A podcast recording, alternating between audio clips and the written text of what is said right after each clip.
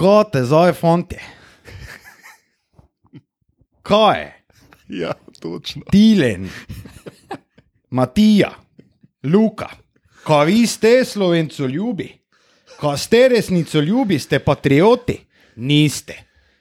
Zakaj niste? Ker ste pičke. Lahko se sfajtam s komerkoli od vas. Veste, da se ne bom dobro godlo, ne? Čujte, ne bo poslušati tega nedomoljubnega podcasta, drugače vam bom zobe ven zbo. Živijo, jaz sem servus, jaz sem. Kako mu je ime? Aleš, ne. Aleš, ne. Ale, domoljub.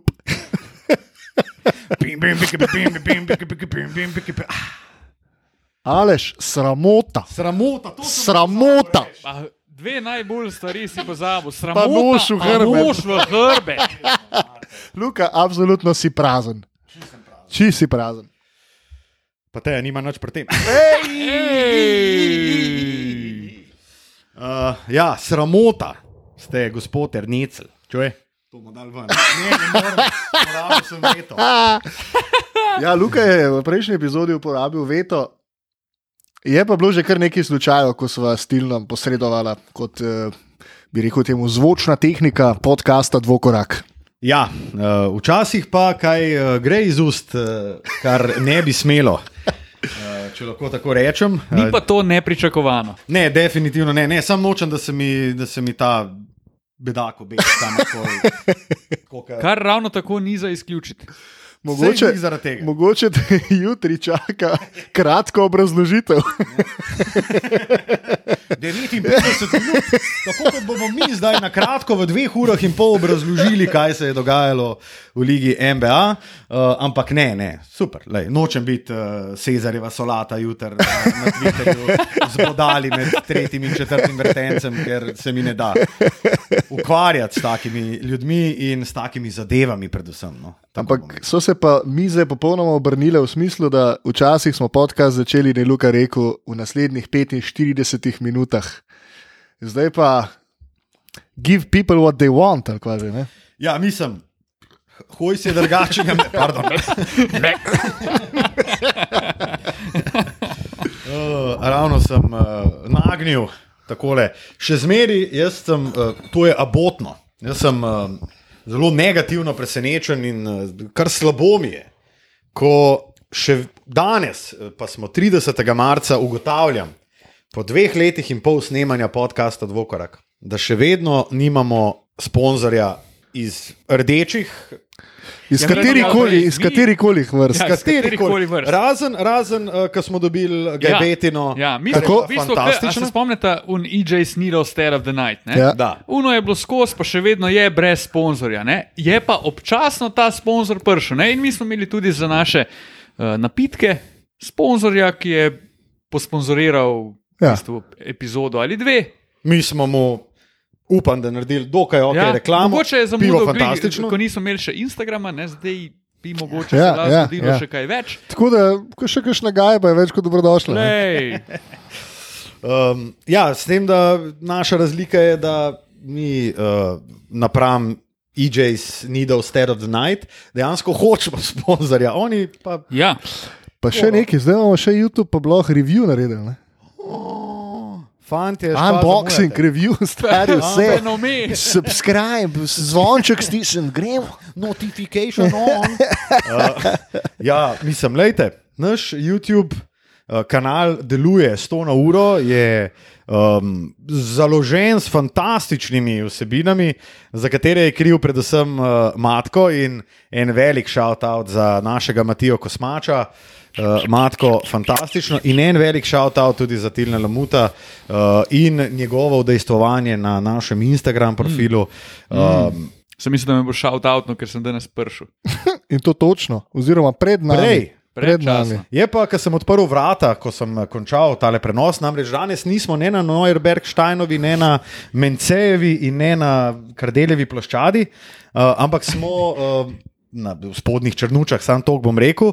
In ko sem prišel po prenosu uh, v tole sejno sobico, je bil Tilen zelo resnobnega uh, obraza. In zato mislim, da je zdaj le na mestu Tilen vprašanje, kako si. Utrujen sem, Luka. Zato resnoben obraz? Ma, ne, ker sem bil ravno sredi klica, ker sem mogel res podrobno poslušati, kaj se je govorilo in si po možnosti hkrati tudi še kaj zapisati. Uh -huh. Sem se pa tega resnobnega obraza in mogoče celo neprijetnega pogleda, ki sem ti ga namenil, tudi sam. Uh, zavedal. A ne, jaz sem takoj vedel, koliko je ura in sem rekel, da Ja, grem pač nekje. Odkorakal si skoraj prej, kot pa si ukorakal. Tako, da- tako. Videl Jasno. sem, pač se tilc, tilc ima tako ekspresivno fiko, da Ti Da. si da vedeti, ja. Ti da vedeti. Ja. Ali, ali je vredno z njim češnjo zobati. Ali... Zelo zanimivo, res. Kamatko, recimo, te Nadaljujte. fike nima. Ne? Aj, a res ne? Ne, ti, Hu. si, ti, ko ti gre nekdo na kurac, si tok preveč uljuden, da, da me kar boli. me. Ker Si, a veš, tako si, uh, znaš se nasmejati, simpatično se nasmeješ. Se, to je, to je Jasno pa je, Prekletstvo. Svetu, da je ta model, ki, s, s katerim se ti obadaš in nikomor ni povšeči, največji kmetavz. In da ga samo ti lahko prenašaš, in ga lepo znaš tudi odsloviti. No, tako bom rekel. To bom vzel kot veliko, veliko pohvalo. Nisem si mislil, da sem tak. To Ne. je v bistvu nekaj novega za me. Definitivno. In to je, to je ena zelo sicer dobra kvaliteta, obenem je pa tudi prekletstvo. kaj ne, Je Marko? prekletstvo, definitivno. Kaj ne, Marko? Da, da, da. A to, to, to. to. Kako si pa ti imaš? Dobro, jaz imam tudi en shout-out in sicer za Sanjo Likar, ki eh, sem ji obljubil, da jo bom shout-outnil. Ob jutranjih sprehodih, ki jih upravlja tam v okolici Bratovšove ploščadi, um, vse čas posluša dvokorak. In zadnjič je sodelavcu s polno vnemo razlagala o košarki, in je bil človek prijetno presenečen. Tako da, lej, širi dober glas, zato mislim, da si zasluž, Svaka čast. Bravo, da zakričimo njeno ime. Oziroma, Sanja. shout out. Kaj dejansko pomeni shout out? Ja, To je ja, krik, ne? kao Ja. krik. Krik za sanjo. Urop, urop. A bum, bum, bum. Ne, drugače sem pa super. Ravno prej sem se pogovarjala s Tilčem, kupil sem prvi pek, oziroma ga čakam, top shota. NBA top shot, ful sem te plunil zdaj. Tudi jaz sem videl te telesne izločke. Aerosolčki. ja, kupil sem prvi pek, v naslednjih dveh tednih mislim, da dobim zadevo um, v tej digitalni obliki. Um, to so kar neke kartice, ki jih zbiraš, oziroma ki so jih včasih bolj uh, resno in redno zbirali. NBA, fani in fani ostalih športov, in potem so se te kartice prodajale. Vse je bila Dončičeva kartica, je bila za neke bovne, Ja, denarje prodana. Tri pa pol mil ali Ja, nekaj tasga. bilo Ja. nekaj takega. Ne? Mislim, v vsakem primeru ful preveč. Ja, Pa no, ene par ničel. ja. Um, tako da zdaj se pa Lebronova, ta, ta njegov highlight, digitalni, se iz prve serije prodaja za 350 tisočakov. Tako da lete, naslednjič nam je zanga. Ne, preverite, no, vse je zanimiva stvar. Malo je bizarna, tudi to zva stilno govorila. Bizarno je, ker te zadeve nikakor ne štekava. čem- nelogično. In Zakaj Zakaj bi- to sploh kdo delal? Zakaj bi to Zakaj kdo kupil? To, Ja. Takšno vrednost meni. Ja, to je meni. Veš, če ti hočeš si pogledati highlight, pač, Pač greš na YouTube, toliko stari. enih kanalov, na Ja. katerih vidiš sproti ta highlight. Kadarkoli za ston. Mogoče moraš reklamo počakati na Je začetku. pa uh, ravno kar udarila tudi vest, oziroma ne ravno kar pred pol ure, da je model, ki se je to spomnil, zbral 305 mil fundinga. 305 mil, ta star. Wow. Med ljudmi, ki so uh, investirali v to, sta tudi MJ in Durant. Naprimer. Zdaj ne vem, ali je to neke vrste kriptovaluta, tudi glede na to, da je v tem blockchainu. Ja. Ja. Verjetno ja, Uh, Ja, znala bi biti. Mislim, zna, znal bi pač nekako. neko vrednost imeti. Ja, ne vem, ne. Me- me- Meni so tudi poprec povedan, blockchaini zelo. oh, to je bilo zdaj Ja. ja, moje vprašanje. A preveč vidva veta, zapletena, Ne, Ne, ne, ne. ne. Okej, Okay, Jaz sem sam v istem stavku slišal že te Ja, ja, ja, ja, vse ja. zadeve in se pač povezal. Tako da, če ima kdo slučajno pojma, kaj, kaj to je. Meni je že to... na Hrvaškem, ki grem na bankomat, stari me uno, without or with conversion me, me zjebe in ne morem sploh razmišljati in vsakič nekaj napačnega, napačnega ruknem. Kva pa blockchaini, pizda, če me bankomat na Hrvaškem. Mislim, ko smo ravno pri bankomatih. ko smo ravno pri bankomatih na sam Hrvaškem. pazi, ne, isto zgodbo imam jaz na Češke. Isto se mi je zgodilo, ne vem, da bi dvignil, Češki? da bi dvignil 30, jaz sem jih dvignil 300.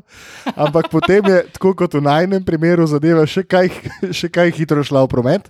In sicer so Ja, ja. nas pol na avtocesti ustavili, zato, ker nismo imeli vinjete, zato, ker nam je prijatelj iz Češke rekel, da ne kupujte vinjete brez veze, mi imamo itak sam, ne vem, 40 km avtoceste, ni šans, da vas ustavijo. Ah, Jaz sem tudi Glej ga zelo zlomka. Zelo zanimivo In pol, prigodo. in pol je šel, eh, mislim, ta policaj se pele za, za nami. Naš voznik je zjutraj ruknil eno beherovko na, na obhodu čeških Budejovic in se vozimo in jaz ga pogledam. Rekel, pocaj so bili tam, ne? On, ja, se meni se zdi, so speljali. In sva se začela tako manično smejati, kam mi takrat pred kratohvilom in sva se sam režala in pol je prišel. In po nemško sta se nekaj izgovarjala, panjager, panjager, kom, kom mit. In pa sta šla noter in ga je zaprl v kombi, stari. On pa fuk, beherov, ne, zdaj ima valjda za vohu. In mu ni dal zapihati, dejansko mu je sam za vinjeto napisal. In še dobro, da sem mu jaz un denar, ker drugače ne, vem, po mojem bi nas zgudili sredi avtoceste, stari. Jaz sem tudi nauk, da na češkem, če ti ljudje svetujejo, da nekaj ne kupite, raj kupite. Uh, namreč eh, kolega Kristjan je opravljal tam izmenjavo in smo ga šli seveda pogledati na en tak par dnevni oddih. In je on rekel, za to za podzemno, pa za javni promet, to itek ne rajiš karte. Ne? Mi smo hoteli uno kupiti za en teden, ma ne, ne, to ne rabiš, stari, to je itek vse tam za džabe, itek nihče nikdar ne gleda. Ti greš gor, stopiš na zadnjih vratih, greš ven, ni panike, ne, ok, super, zakon, več za pirulo. Ok, in mi en večer eh, lepo na tramvaj, oziroma un bus, in gladko na prvi stanici, kontrola. In ta kontrola, naslednje postaje zelo dolgo ni bilo. In ta kontrola pride, in pol nas je bilo, mislim, da šest.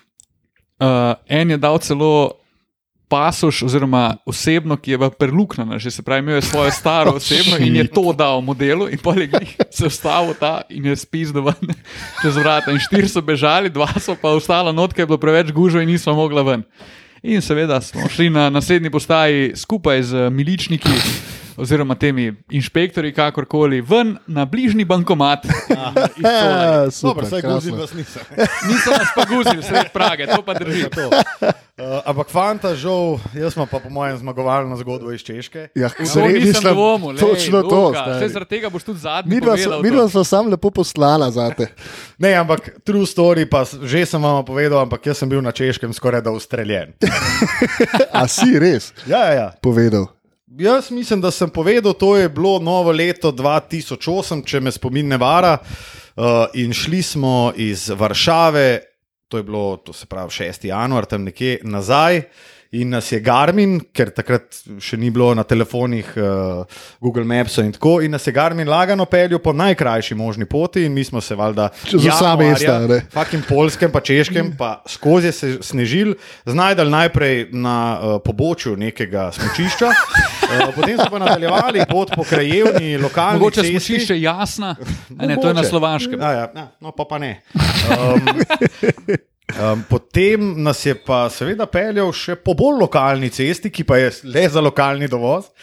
In kot smo kasneje, ko smo na klancu na snegu sred gozda in res. Tudi na Garminu okoli ni bilo nikogar, razen ene bajte, v kateri je bila pa pržgana luč. In tam smo obstali z avtom, z mojim Ford Mondeom in še enim avtom spredi, uh, in seveda obstali v snegu, in nismo mogli naprej na klancu. No, in potem mi začnemo verige gor dajati, in en uh, pametnjakovič, ker sem jaz edini pravi moški in sem edini jaz znal dajati veru, veri, verige gor. Uh, en pametnjakovič je pa lagano radio v mojem Mondeju, to pa žgal, pa tudi dolge luči, in jaz se usedem v Mondeju, ta skušam prižgati. Ni bilo, samo prazno.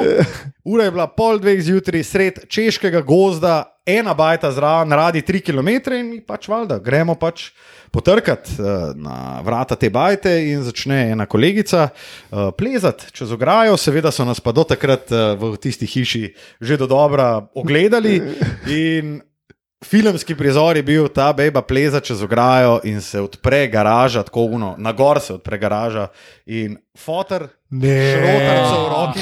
Tega, Luka, ti še nikoli nisi nismo nič povedal. povedal. Takrat pa moram reči, da uh, raven uh, diareje v mojih hlačah je bila izjemno visoka. Skokovito je narasla.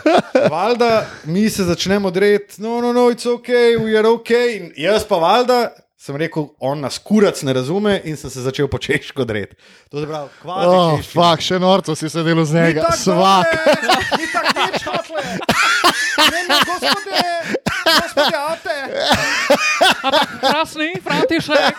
O, Marija pomagi. In to sta bila oče in sin. Oče je imel seveda šrotarso v O, roki. moj bog. In takrat uh, se je zavrtelo življenje, uh, res, fuk, ampak na, na koncu nam je pomagal. Zmenili smo se, vedel je, da rabimo kleme, nam je pomagal, spravil na vrh, na vrh unga hriba in smo dejansko srečno prišli domov. Poslej se smučiščem dol po smučkah spustili. E, jaz krog. sem se ene pet minut potem, ko smo mi speljali, ko adrenalin popusti, jaz sem rekel, fuk. Jaz moram ustaviti, sem se ustavil, stari in stari noge, uno, ki te ne držijo, stari. Ker samo, fuk, vas je zgodilo. Se sem treseš. Pa, stari, pol dveh, češki gost, to je fucking najboljši material za, za neko grozljivko, ki te en fotor ustrel v faco, šrotar, pa te ima nagačenega na, na, na fucking steni. Pizda, Ja, glede na to, kje živi, že ni najbolj socialno prilagojen človek. Da, Čeprav pa smo razmišljali, jaz bi se vam pravi, če bi imel pizda. Ker vseeno je bilo osem komadov, tam nekdo ti pleza, čez, ja, res. čez Ja, res, razumljivo. No. Tako da, Vaclav, vse dobre. Oh, bravo, super. Oh. Uh, mimo grede, uh, ko Lukas pregovori po češko, Tilno se mi zaigra srce. zašibijo kolena. Uh, Dobro, Super. Eh, Misliš dej. reči, dobro je? dobro je, kratek dobro je. vod je za nami. Zdaj pa vodi nas. S sovraštvom na plano. A, kdo bo začel? Lahko jaz začnem, No, ker imam Daj. eh, bojda najbolj nepovezan Wow. hejt. Wow, to Eh. si se sam odločil. Ja, ker ste videli že prej, ker vemo, Aha. kaj bo hejtal Luka. Aha. In pa si ti rekel, da imaš svoj skrivnostni hejt. Uh, Malo vedno povezan, njim. ja, ja, Jaz je. pa pohejtal Šakila Onila. Od tega nalo. In sicer z njegovo izjavo se ne da je bila to edina, kar nekaj, by the way, še en krik bi namenil Candace Parker. Ona je kar šefla. stari. Rola ja. v uni oddaji, stari, ona pa šola in se na tedenski bazi, tukaj da ne krega s šekom. Saj smo pa še enkrat tudi malo pohvaliti, ker v bistvu kar dobro sprejema. Ta prva reakcija Ja. ja. njegova je bila malo, ok, Ja, malo je ja, bil ja. presenečen, Ja. ampak zdaj pa v bistvu je začel že kar malo podpihvati, zato da on za njo Dobro. sproši. Dobro. Ne, ampak Candace out zato, ker redko kateri ljudje obstajajo na, na tem svetu, ki meni handlajo še kaj in on ga Ja, ja. normalno ga meni handla. Ful. Res je. Res. Uh, je pa Šek med drugim tudi izjavil, da bi po njegovem mnenju Golden State mogel benčati Stefa in tenkati sezono in se po v bistvu prilagoditi situaciji in ciljati na naslednjo sezono, da vse skupaj zapeljejo bolje. In mene to ubija, stari. Ti ne moreš na sredini sezone reči, da top pet igralcev v ligi benčaš in ne igra več in ga pripravljaš na naslednjo sezono, oziroma celo ekipo. Se pravi, ti pol sezone dobesedno vržeš v kanto, s tem, da ti imaš dejansko priliko priti v playoff, vsaj v play-in. In ti dejansko rečeš, da med top pet igralcev lige, ne, ne, eh, mi te bomo benčali, pozabi, ne rabiš več igrati letos. To je, še najbolj me pa moti to, če bi marsikdo to izjavil, bi rekel, ok, whatever. Ampak še, ki se v bistvu cel cajt maza enega tajega fierce competitora, pa res mi nismo nikdar, pa v naših cajtih se je igral basket na moč, pa takrat smo res trgali gate. Tako kot vsi ti starci. Stari moj, in pol to izjaviš. Ker za njega, glede na to, kaj on večino časa govori, bi pričakoval, da bo mojster rekel: Lej, če kdo pol Stef mora igrati, koliko se da, in zaradi njega mora Golden State priti letos v playoff. Ne pa da ga benčajo, mislim, halo. Jaz mislim, da bi si še lahko prislužil kar uh, tedensko rubriko v Hate Kotičku, zato ker Bi, on bi. tedensko navrže toliko nekih bal enega verbalnega sena, da je kar grozen Da ti ampak ta je še- tam je bila še posebej. žvini pizda, da poje v dveh letih, ne res, pa pa on nameče vse stari, to je pa noro. Mislim, meni se zdi, da on je v tej izjavi šel tukaj proti, proti sebi, pa svojim siceršnjim prepričanjem, pa nekemu modus operandiju, da groza. Jaz se bi s to izjavo, mislim, s tvojim hejtom zelo strinjal, ker to, kar mislim. V bistvu, meni gre bršeko najbolj na živce, da je ta, pač, dajmo fucking živeti v letu 2000, kjer si bil ti najbolj dominanten človek na svetu, po vsej verjetnosti. pa dajmo se vsak protiargument, ki ti ga nekdo da, ki te nadvlada z argumentom, pa reči, pol, ja, pa zdaj smo pa štiri prsta, ne pa. Veš, pol way, da gledati, je, je, you know, you know, ne vem, kakšen je feeling, ki imaš štiri prstane. In to recimo fucking Barkley, ki je res maskota od analitika. v Hud je, resnici. Barkley je hud. Ampak je stari. hud, ne? Zato ker to je pač njegov MO, ampak Barkley to. ga nadvlada in edini argument, ki ga imaš, je, ti nimaš prstana. Kar je sicer dober argument, če ga enkrat uporabiš dvakrat, ne pa da ga 50krat. tako da- Ali pa mogoče v nekih specifičnih, veš, ti še skozi uh, ne moreš uporabiti argumenta, jaz imam prsten, ti pa ne, če se pogovarjamo o nekih splošnih basket zadevah. Se to ne pomeni, da če ti nimaš prstana, se kar malo, tudi nima prstana. Pa milijon je takih igralcev, ki nimajo prstana. Pa to ne pomeni, da on ne ve, kaj govori, ko govori o basketu. Mislim, je, če se mi pogovarjamo o tem, kak je feeling biti prvak, valjda, da Barkley tega ne ve in ne more o tem govoriti. Ampak če pa se pogovarjamo o tem, kak je basket danes, pa kak je bil pred 20 ali pa 30 leti, pa je pa njun argument čist enakovreden. Super. Jaz sam mislim, da je še človek na klike. On je clickbait. Ja. In Čeprav- on misli, da se tega malo tudi zaveda in malo dela to za nalaž. Se pa tudi popolnoma strinjam s tvojim mnenjem, kar se tiče Golden State. Je pa res ta sezona malo drugačna. Tudi lik danes sem se pogovarjal z Lošem, z našim uh, hišnikom, statistikom. Uh, in sicer, da kar spet je ta drug, se- drug del sezone mal ratu peden. Je. Um, ampak po drugi strani se je pa ful manj razdelila liga, ker ponavadi se je na polovici sezone razdelila, ok, vi ste za stran, vi pa imate nekaj za igrati. Tako.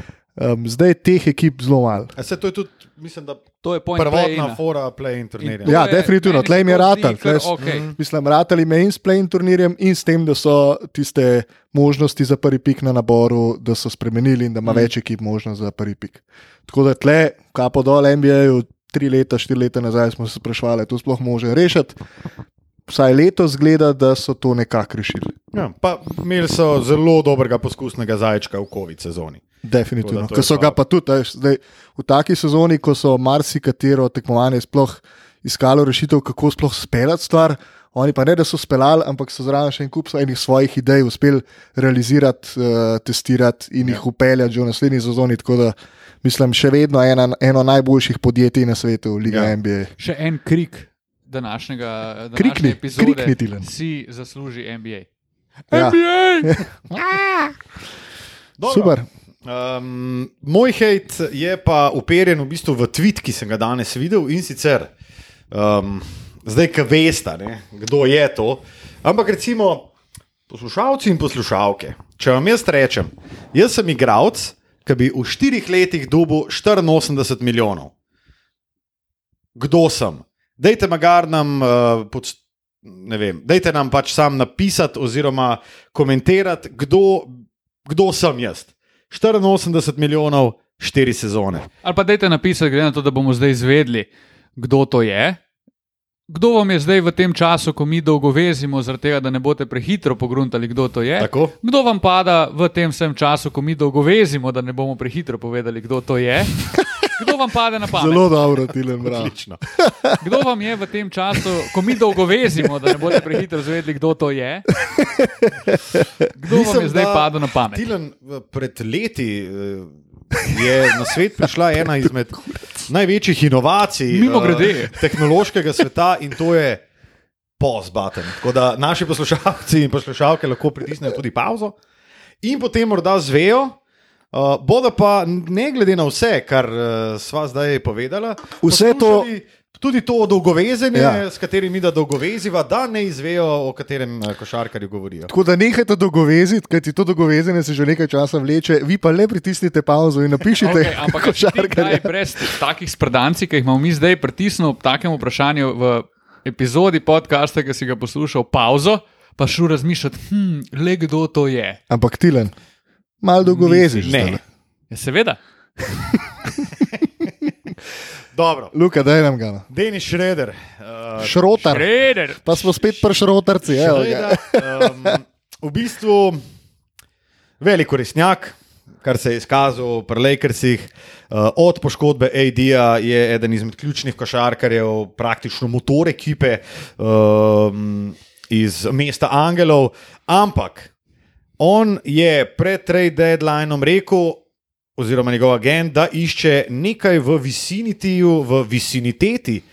Uh, 20 milijonov na sezono. Soseščini. Zdaj mi pa povejte, če me moje matematično znanje še ni zapustilo od osnovne šole, oziroma od srednje šole, saj sem na to tudi hodil. Uh, bi rekel, da je 84 deljeno z 21, uh, deljeno 4, 21 milijonov na sezono. In to je več kot 20 milijonov. Ta, te vicinitete, o- okoli katere sta se motala agent in Denis. Uh, in Denis je uh, to ponudbo L.A. Lakersov, kjer ima praktično zafiksiran, da se bo tri leta, štiri leta boril za prsten, lagano zavrnil. Zdaj pa jaz tega, moja, moji mali možgani tega ne morejo skop, skompenhredirati. Komprehendati sem hotel Skompenhrendirati. Uh, ne morem. Jaz ne razumem, kako lahko Denis Šreder, ki je v bistvu, ko so Lakersi polni, drugi play, ne vem kako, ne vem kako on. Za Lebronom Jamesom, no, tako, tako sem mislil. Um, ne vem, kako on zdaj misli, da bo dobo, ne vem, kaj on misli, da bo dobo 25 mil ali kva, malo sem pobožal tole, tole mizico. Uh, kaj, mislim, kaj je, kdaj bo on rekel ja? Mene- Mislim, ti imaš najboljše okolje, največ časa, longeviteto, da ne bom. Imaš eno zadevo, ki ti deluje na dolgi rok, imaš zraven dva franchise playerja, no mogoče je pa to problem, Evo, na to pa nisem pomislil. Meni, če mi kaj ni jasno, mi ni jasno, zakaj v taki ekipi, v takem kadru, tak cash zavrneš. Ker to nima, točno to, kar si ti vprašal. Čemu boš ti pol rekel, da? Ja. Kaj še hočeš več kot to? Igraš v LA-ju, največji, ali pa ajde, za New Yorkom drugi največji market, super ti je, eh, kandidiral boš, dokler bo LeBron James živ za naslov, Sunce, tudi pičke, koka. sve. Super. Vse imaš, stari. In še eno. Samo to je drago, stari, Veš, kaj Z mislim? 21 milijami, Čakaj malo, pa ne ne. moreš. Ne. Ja, pa še familija. Sitnice, je, je. To je Ne, zelo, zelo, zanimiv pojav. Ker jaz bi rekel tudi, da je on, že to je za njega, po mojem, malo preveč. Ja, meni se je zdi. res vreden 21 milijonov. To je- Meni se zdi, meni se zdi bizarno, meni se zdi bizarno, ampak tako kot sem tep napisal, ne, don't hate the player, hate the game. Da.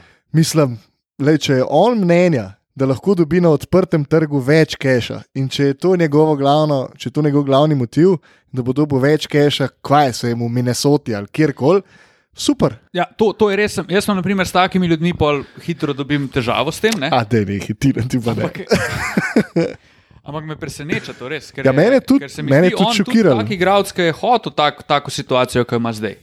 Ker je ni bil deležen do tega trenutka. Skozi je igral v nekih poprečnih ekipah, kjer je delal veliko korist, zdaj je prišel pa v Lakers, kjer dejansko se vidi in v bistvu letos on dokazuje, da prejšnje sezone niso bile slučaj. Veš, on je za Lebronom drugi najboljši igralec ekipe.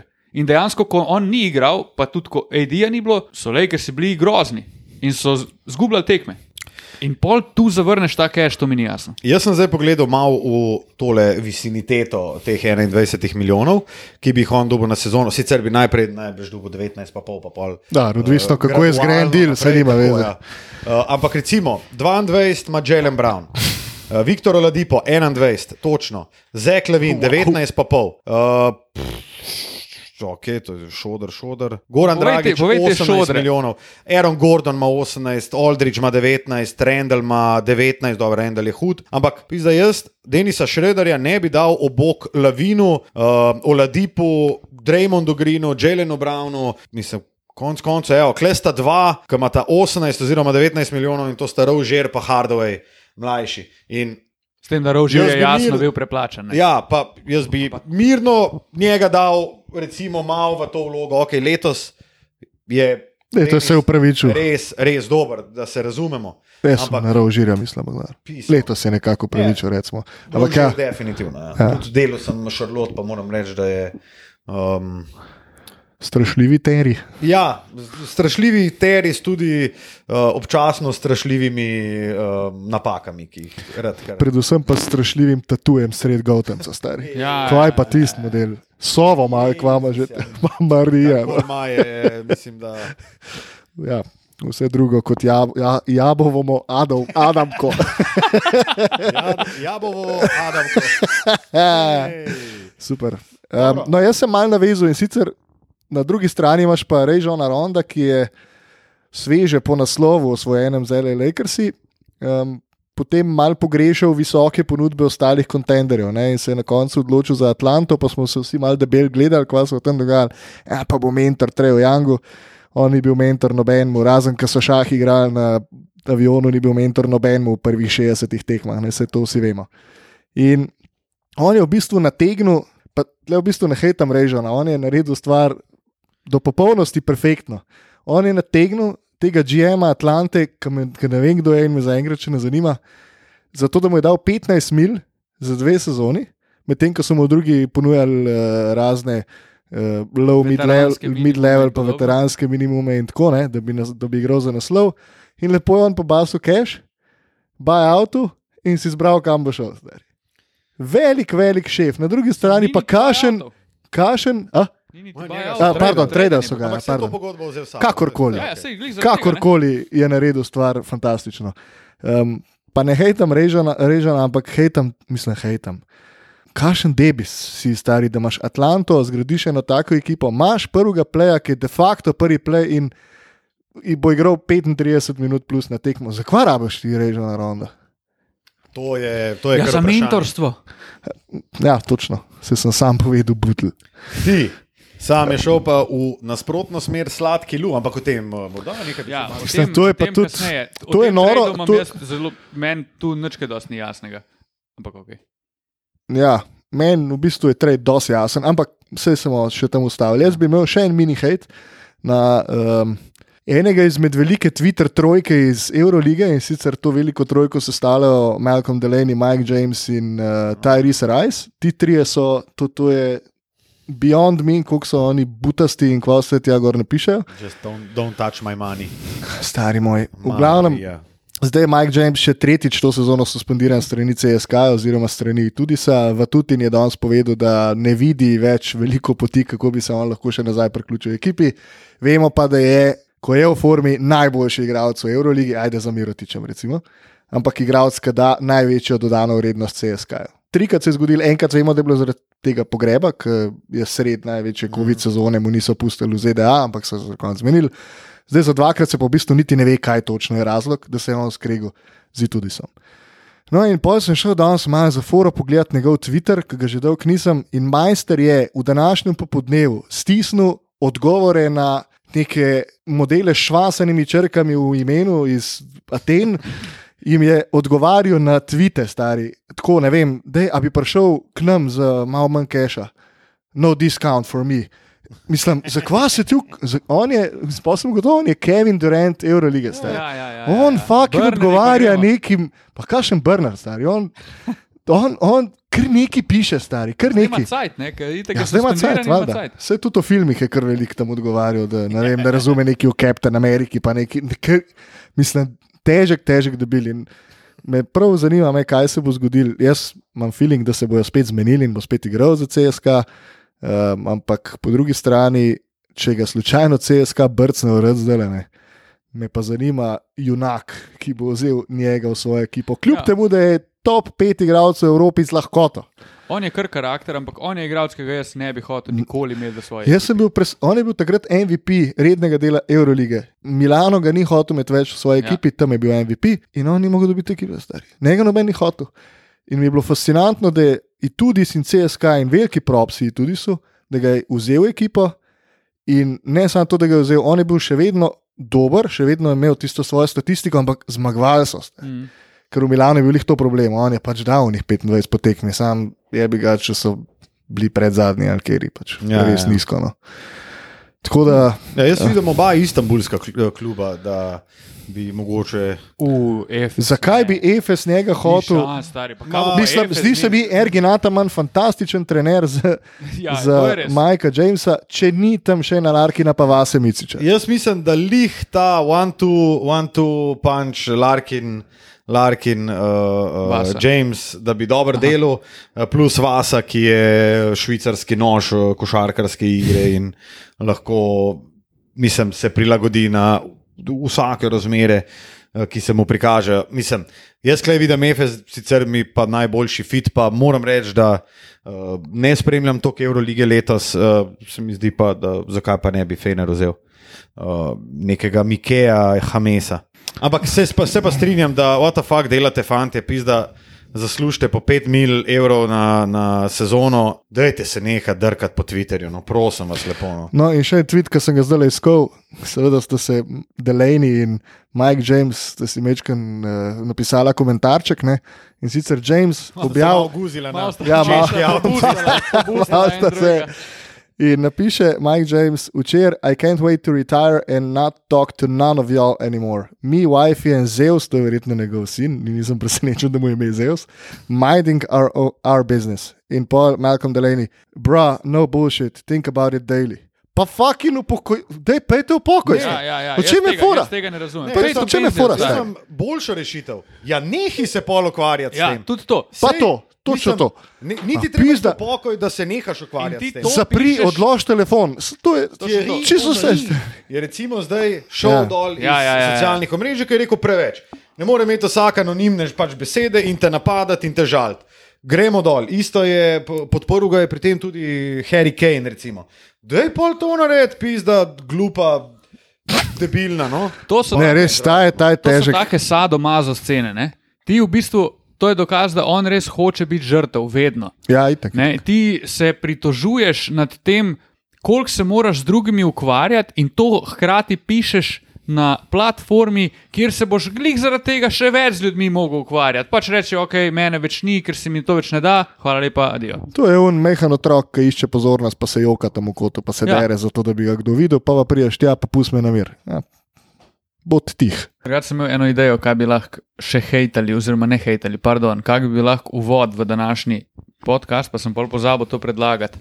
Aha. Da bi kar vsi trije naredili tokrat uvod in bi rekli: Živijo, mi smo uprava Houston Rocketsov in imamo blage, kaj delamo. Vi pa poslušate dvokorak. Stari, nisem si šel pol zapisati, kaj točno so oni dobili za hard na poleg unih pikov, ampak zelo malo. Kelly Olinika, Kelly Olenika pa Averija Bradleya. pa je verja Bradley, stari. In ko smo ravno pri tem, a začnemo kar s tem. načnimo, načnimo to temo. Ja. Smo rekli, da bomo kronološko, tako da pojmo v bistvu z največjim presenečenjem Ja. tega trade deadlina, ki se je zgodil na uh, materinski dan leta 2021, tole pa snemamo eh, pet dni kasneje. Mi smo si do dobro izdelali mnenje o vseh teh tradih. Prvi in edino presenečenje je bil Vuč. A Jaz V, sem mislil, da bo zdaj rekel a ja, nekaj. Amfi, Amfiondu Kabengele. Kambengele. Ne, eh, bom kar čist resno povedal, da je bil to Vuč v Chicago. Um, to je res prišlo malo tako, out of nowhere. No? Noben ni pričakoval, da bo šel tja. Predvsej se je govorilo, da bo zapustil Orlando, pa Orlando je šel v neko tri četrt blowy rap situacijo, s tem Ja, Orlando je imel uh, Skoraj- decembra skoraj razprodajen. skoraj da razprodajo. No? Zanimivo, da je neki košarkar ostal, ki bi lahko, mislim, da prenesel kar neki eh, dobrih pikov, eh, igralcev, mladih in tako. Um, ampak ja, Vuč um, v Chicago. Ne vem, jaz imam, ko sem govoril, ko imamo izdelano mnenje. Jaz, Jaz, jaz mislim, da je tle Chicago naredil korak ne naprej, ne nazaj, ampak samo korak v stran, za moje pojme. To je za njega in za Chicago iz dežja pod kap. Ja, jaz mislim, da Vuč tudi ni košarkar, ki bi zdaj pa Chicago z Ekom Lavinom kar naenkrat spremenil kva zdaj, v kontender ali pa za prednost domačega terena. Hm. Vuč je, Vuč je dober igralec. Uh, Jaz mislim, da je Vuč unigralec, Top ki je 10 lahko samo to dober. Jaz, jaz, Ja. ja, jaz mislim, da on ne more biti, da skoraj ni situacije v ligi, da je Vuč kontender. on ni franchise player, nikoli ni Nik, bil. ampak nikoli ne tudi tako kot drugi igralec, ki ga lahko vidiš. Kje, ga Um, lahko, kje si ga lahko predstavljaš? Ob kje. kom, mislim. Mislim, če govorimo o ekipi, ki kandidira za naslov, oziroma neko ja. ležit visoko uvrstitev, ga jaz ne vidim kot drugega igralca. Jaz mislim, da je to človek, ki lahko serijsko osvaja nagrado, ti si pa najbolj pocenjen v ligi in si s tem lahko, ne vem, kupaš avto. Čeprav jaz bi recimo Vuča bi mirno lahko videl na mest Ibake v Clippersih, kjer Ok. okay. bi jim prišel prav, glede na to, da imajo Clippersi časovna obdobja med tekmami, ko ne morejo Ja. zadeti bazena. Ampak in Jim... Ampak to je, on je v Klipersih eden izmed. Da, on Ja. ne more nič franchise. posebnega. Sam, kar pa spet, ne, kašen je vuč, ko ni nič posebnega. Um, v smislu, da pač on je bil vedno nek hub, okoli katerega se je igral v Orlando. Ne? On je dobil žogo visok na trici, on je v bistvu Dubljevič, NBA, ja. Dubljevič igra popolnoma isti basket v On je, Euroligi. v Šal ta za dubo. on je v Orlandu Duboki. imel izjemno, izjemno statistiko, ki se pa v neki resni ekipi drastično zmanjša, po mojem. No.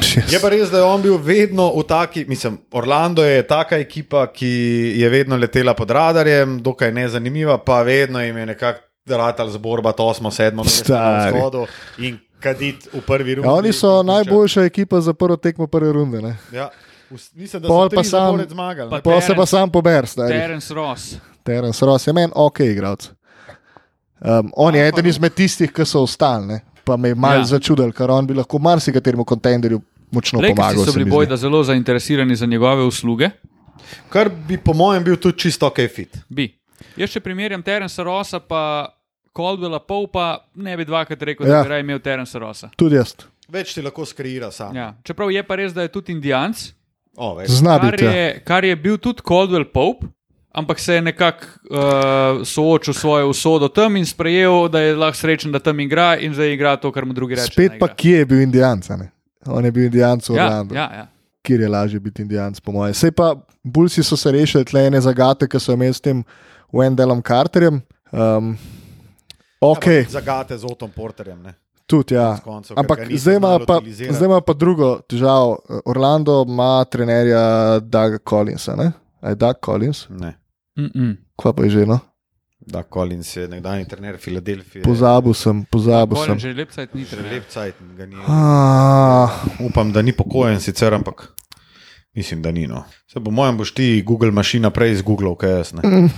Kamatko je pa ne na zadnje tudi velik, uh, takole bom rekel. Uh, ne moš kuter. Preverjel, ja, tudi ne škuter, med drugimi. Ampak V prostem času. ti pa uh, fakte preverjaš uh, enega za drugim. In ne. Mislim, učim se tako, stari. To je a veš, šola za vsak dan. Šola za življenje. Ja. Torej, Orlando. Steve Clifford. No. Steve Clifford. Clifford. Uh, Clifford je full trener. To je dokaz, koliko Kakšen me briga za Orlando. Ja, hvala Jesus Bogu, stari. Ne, Hvala me, Bogu. mene, na primer, za Orlando Ne, ne, ne briga več stari. Mene, mene. Uh, nagradno vprašanje, kdo je trener uh, Indijane? O, Denis oh. Bergkamp. Björgren. Ah, Stari, vsakič, ko preberem ali pa pomislim na to, da je Björgen trener Indijane, mi gre na jezik Denis Bergkamp. Vedno. Bom pa še jaz. Memphisa. Kdo je trener uh, Memphisa? Ja. Ufa. Jürger. Ja, ni več. Ne. Pa tudi Biker Stefni. Ja, Ja, povej ta fanta, jaz vem. Jaz je. Biker Stef. Aha, pa se že. A, pa gledamo tam lepa Google. Vuci, vuci. Imamo zigarene štiri ekipe. Kdo je trener Washingtona? Uh, Scotty Brooks. Ja? Bravo. Kdo je trener Oklahome? To ti moraš vedeti, kaj si jih delal. Aj, Aj, čak, maga, maga, maga. O, kršen podcast. Če slučajno želite pos- poslušati podcast o kakovostni debati o basketu, oziroma o NBA-ju, uh, dajte najti kaj drugega. Ja, poslušajte ostale podcaste, ki so prav. Dajmo se malo izobraziti. No? Ja, dajmo, no, res. Ampak vse je pa z glave, a ne? to pa tudi. To je pa res. Mi Ja. nimamo nobenih papirjev, zdaj ok, malo Google, pa tako naprej, ampak uh, Memphis Grizzlies, uh, glavni trener, Taylor Jenkins. Taylor Jenkins. Oh, Ja. kaj pa No. Oklahoma? Oklahoma, ja, daj povej. Jaz si ne morem zapomniti njegovega imena, sem pa že ne parkrat si rekel, aha, zdaj sem pa zapomnil. Evo, pa smo tu le. Uh, tale, no. Oh, Ki ima tudi uh, tako malo francoski priimek. Ja, ja, ja. Mark je bil, on je bil, Dejno, ja, on je bil pomočnik pri uh, Torontu. a? Možno. Možno. Toronto je taka evropska ekipa. Jaz mislim, da je bil on pomočnik A tam. Vemo, kdo je nov trener iz Atlante. Lo, uh, Lloyd Ja, seveda je vemo. Bil, zdaj je pa, Seveda vemo, seveda vemo. Ja, Nate McMillan. Atlanta, Nate McMillan, ja. Cool. Z njim so, mislim, da dobili prvih osem tekem. Mm. Po odhodu Lloyda Pirsa, o katerem smo se pa razgovorili v enem izmed prejšnjih podkastov, če morda zamujate, ja, kar pojdite nazaj na epizodo 56. Pejmo naprej. Raptorsi so se, oziroma šušljalo se je, da se bodo znebili um, Kajla Laurija, na koncu je ekipo zapustil Norman Paul in odšel. Uh, In o tem, sorry, da te prekinjam, ampak ta zadeva s Kajlom Laurijem je pa kar bizarna. Oni ja. so se njemu, ne bom rekel, odpovedali, ker pač je preveč dal, da bi se mu odpovedali, ampak oni so njega prodajali dobesedno, full. In tu je bila na, težava ta, po moje, da so oni imeli z njegove strani dve, tri ekipe, v kjer si je on želel iti, in pač pri teh treh ekipah niso dobili tega, kar so hoteli, in pa so rekli, ok, fuck it, boš pa igral pač tle do konca sezone. kaj si jaz mislim, da je, da je bila situacija? Prosim, povej. Glede na to, da je on Mister Toronto in v bistvu uh, najbolj pomemben igralec v zgodovini franšize, um, bi rekel, da je Kaj Lauri celo dal tukaj vedeti Masaju Džiriju, da če dobiš deal, tradi. Ja, Jaz sem prepričan. In takrat, ko je on rekel, da, oziroma ko so drugi govorili, da on po ligi razlaga, da bo traden. Jaz mislim, da je takrat on rekel, da lahko nič ne bom zameril, vem, da nisem več prihodnost. Ja, ja, ja. Uh, jaz imam po drugi strani možnost, da mogoče kje usvojim še en naslov. Ampak ker tega dela ni bilo, se pravi, ni bilo dela, s katerim bi bil Masaj zadovoljen, so spet vsi či zadovoljni in so rekli, da pač, okay, Tako. nikamor se ne mudi. By the way, na zadnji tekmi, kar se je supposed bilo, da bo zadnja tekma, je imel on plus 42 na igrišču. In to je bil, mislim, da drugi ali tretji najvišji plus ever. A če si Boston ga vzameš uh, v trade s Kemba? Yep. Ja, valjda. Sam Masaj Džirino vzame kembe. Masaj je pa tak boss, da groza. Mesaja. Masaj. Ne, dober je, stari res. Masaj je zelo, zelo dober uh, fant. In uh, lahko gremo zdaj naprej. Ne, ne, ne, v bistvu nismo ne. komentirali tega, kar uh, je Matija hotel, ker sem ga neprimerno zmotil. Ja. Uh, in sicer Norman Powell je tisti, ki je zapustil Toronto. Namesto njega je v ekipi Toronta iz Portlanda, oziroma sta Gary Trent, ki se ga tudi uh, ena nora statistika, ki jo bom zdaj poiskal, z- povezana z njim in njegovim očetom, ki sta bila isto, v glavnem bom poiskal to, pa povem Ja, čez saj trenutek. vem, kjer, In pa Rodney Hood je bil še traden v Toronto. Ta statistika je, da je bil traden po istem številu tekem z točno enakim povprečjem doseženih točk na tekmo iz iste ekipe v isto ekipo, se Tako. pravi iz Portlanda v Toronto. File, ja. Wow. kar, kar, To je noro, stari. To je malo bolj noro, kot uno, oh, fuck, le na tekmi 24 sekund do konca, Kobe. Malo bolj, to je mečkar bolj noro. bolj no. noro. Nič, Ja. ne. To sploh ne vem, kako je možno, stari. To je To je- možno, da nekdo zmislil. Stari pa prodal, to je, to je pa, po moje, verjetnost za to je manjša, kot pa da bi ti danes zadev na lotu. Ja, Po mojem je manjša. ja. definitivno. Uh, je pa Gary Trent odigral zelo, zelo dober babel za, za Portland takrat. Ampak v bistvu Trent je bil traden zato, ker bi mu mogli dati pogodbo, ne, polet. In Trentu bi mogli dati kar masno pogodbo, očitno si ga pa niso predstavljali long term v ekipi, oziroma lej, v bistvu so naredili upgrade. Ne. Rodni hud, dober igralec, ampak koliko, koliko tekem je odigral? On odigral v zadnjih dveh sezonah, ne vemo, Ful na malo, pamet, ampak ne velik, Zelo nezanesljiv, zelo nezanesljiv. Hood košarkar. tudi ni šel v Bubble. Uh, poleg tega ima pa še hudo poškodbo. Ja. Um, in tle so dobili Normana Pala, ki igra verjetno najboljši basket svoje sezone, je pa zelo, zelo podoben igralec kot Gary Trent Jr. v bistvu. Mal boljši, On je- on je no, malo mal boljši. Terence Rosovski je. K, Ja, ampak on je ena taka mikrovalovka tudi. ja, ja, tako. On ima ful visoko povprečje pik, glede Pa- na to, da se nikdar o njemu nič ne govori. Oni dajo Ja. tako po 18-20 Ja, ja. Sam Ja. on je imel v Toronto res, ki je prišel noter, zelena luč, ključi, Ja. ja. moštva, sam šajbi pa tih vod.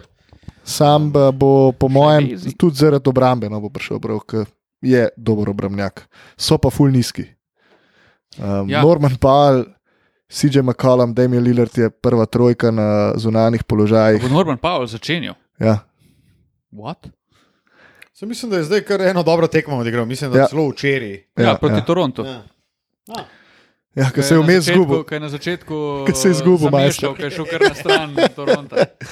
Um, O, se to se kar po mojem velikrat. To je zelo neugodno, da tukaj Mislim, tok, igraš on je tok cajta igral za Toronto, delodajalcu. veš, tudi ni to sezono dve. Ja, ja, ja. Je un neki kucno in on proba zaploskati, pa upisa, nisem več tam. Dober je. Uh, Um, Mislim pa tako, pa Portland se je tudi očitno odločil, da glede na to, kako nizki so na zonanih položajih, da so pač poistovetili so se s tem, da so slaba obrambna ekipa. In Pa da da, ga šajbajo. le, gremo šajbat. Pa, Pa vsake jo dobijo lahko Pa da vidimo.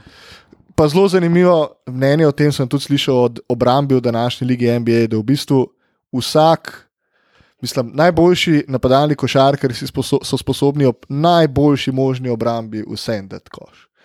Mm. Kdo je pač mislil, da bo Damien Lillard končal ero OKC-ja sredine igrišča v zadnji sekundi, Ja, ja, ja. sedme tekme v seriji, mislim, what. Pa če res imaš to kvalitete, da ti tudi Kawaj ne pomaga, ali pa kdorkoli. No, Kdorkoli, ni eno, en medklic uh, na hitro, je DM MVP. Ne. Zakaj? Zato, ker sta dva pred njim. In to sta? Jokić, Nikola Jokič, pa James Harden. pa James Harden. In Jaz bi zakaj rekel, sta je pred Harden njim? Pred, uh, Jaz, Lillardom. jaz bi rekel, da je Lillard pred Hardenom. Jaz bi rekel Harden, zato ker ima pač Brooklyn vse en skor, ki ga ima, je pa res, da to ni samo Harden based. Ne. Tega se zavedam, ampak meni je Harden. Prav veliko pa je. Ja, Je veliko, je, je, da je. Jaz sem danes slikal. Že več kot mesec ni Dorenta. True percentage, ne. Um, 18-2 je Brooklyn brez Durenta, pa del, velik del tega tudi brez Kajrija. Ja. Um, jo, Jokara je pa pismo, pa res bi lahko dal to v zapiske, ampak danes sem na Twitterju gledal, una, veš, uh, križ, Ja, crazy. un plus. ja, ja, pa je on tam Stari, gor. pa Nikola, Nikole se v desnem zgornjem kotu se ga skoraj ne vidi. Pa tudi tem, da- Unsted, v čem vse je on prvi v svoji ekipi, je noro. Social distancing done right. To je bilo, ne? Ja. Nikola Jokič, pa bi pa rekel, ja, Harden, posta mi pa Janis, pa Lillard, sta mi tam tam, no, moram reči.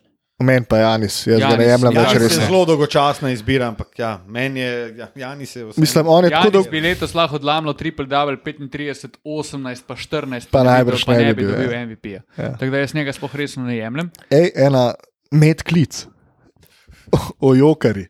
Tam sem se zelo še pogovarjala um, in sem mu podal moje mnenje o Nikoli Jokiču.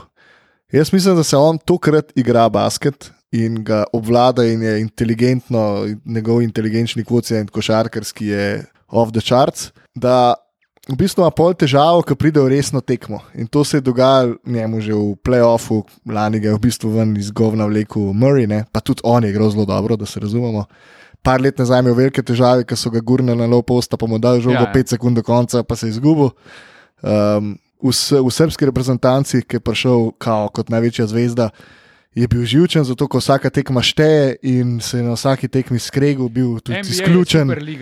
In teh del 80, sezone. 80 sezone tekem je za njega tak žur, stari. Tak žur in lepo ga je gledati. In jaz ga imam, on je do, definitivno top 5 mojih igralcev v tem trenutku, ampak pizda, ne vidim ga pa, kako bi on prišel v situacijo. Kako bi on dobo prstan, no tako. Da pri, tudi v finalu si ga predstavljam, da se mu poklop, odigra fantastičen playoff, sam pa, pa pride en človek za agendo, ali Lebron, ja, kvavor, stari, un, un se bo zaletel, čez zid bo šel za, za prsten, jo, ker pa imaš pilo basket. Pač. Dajmo zdaj malo Od, zašpilati. oče neko na basket. Ja.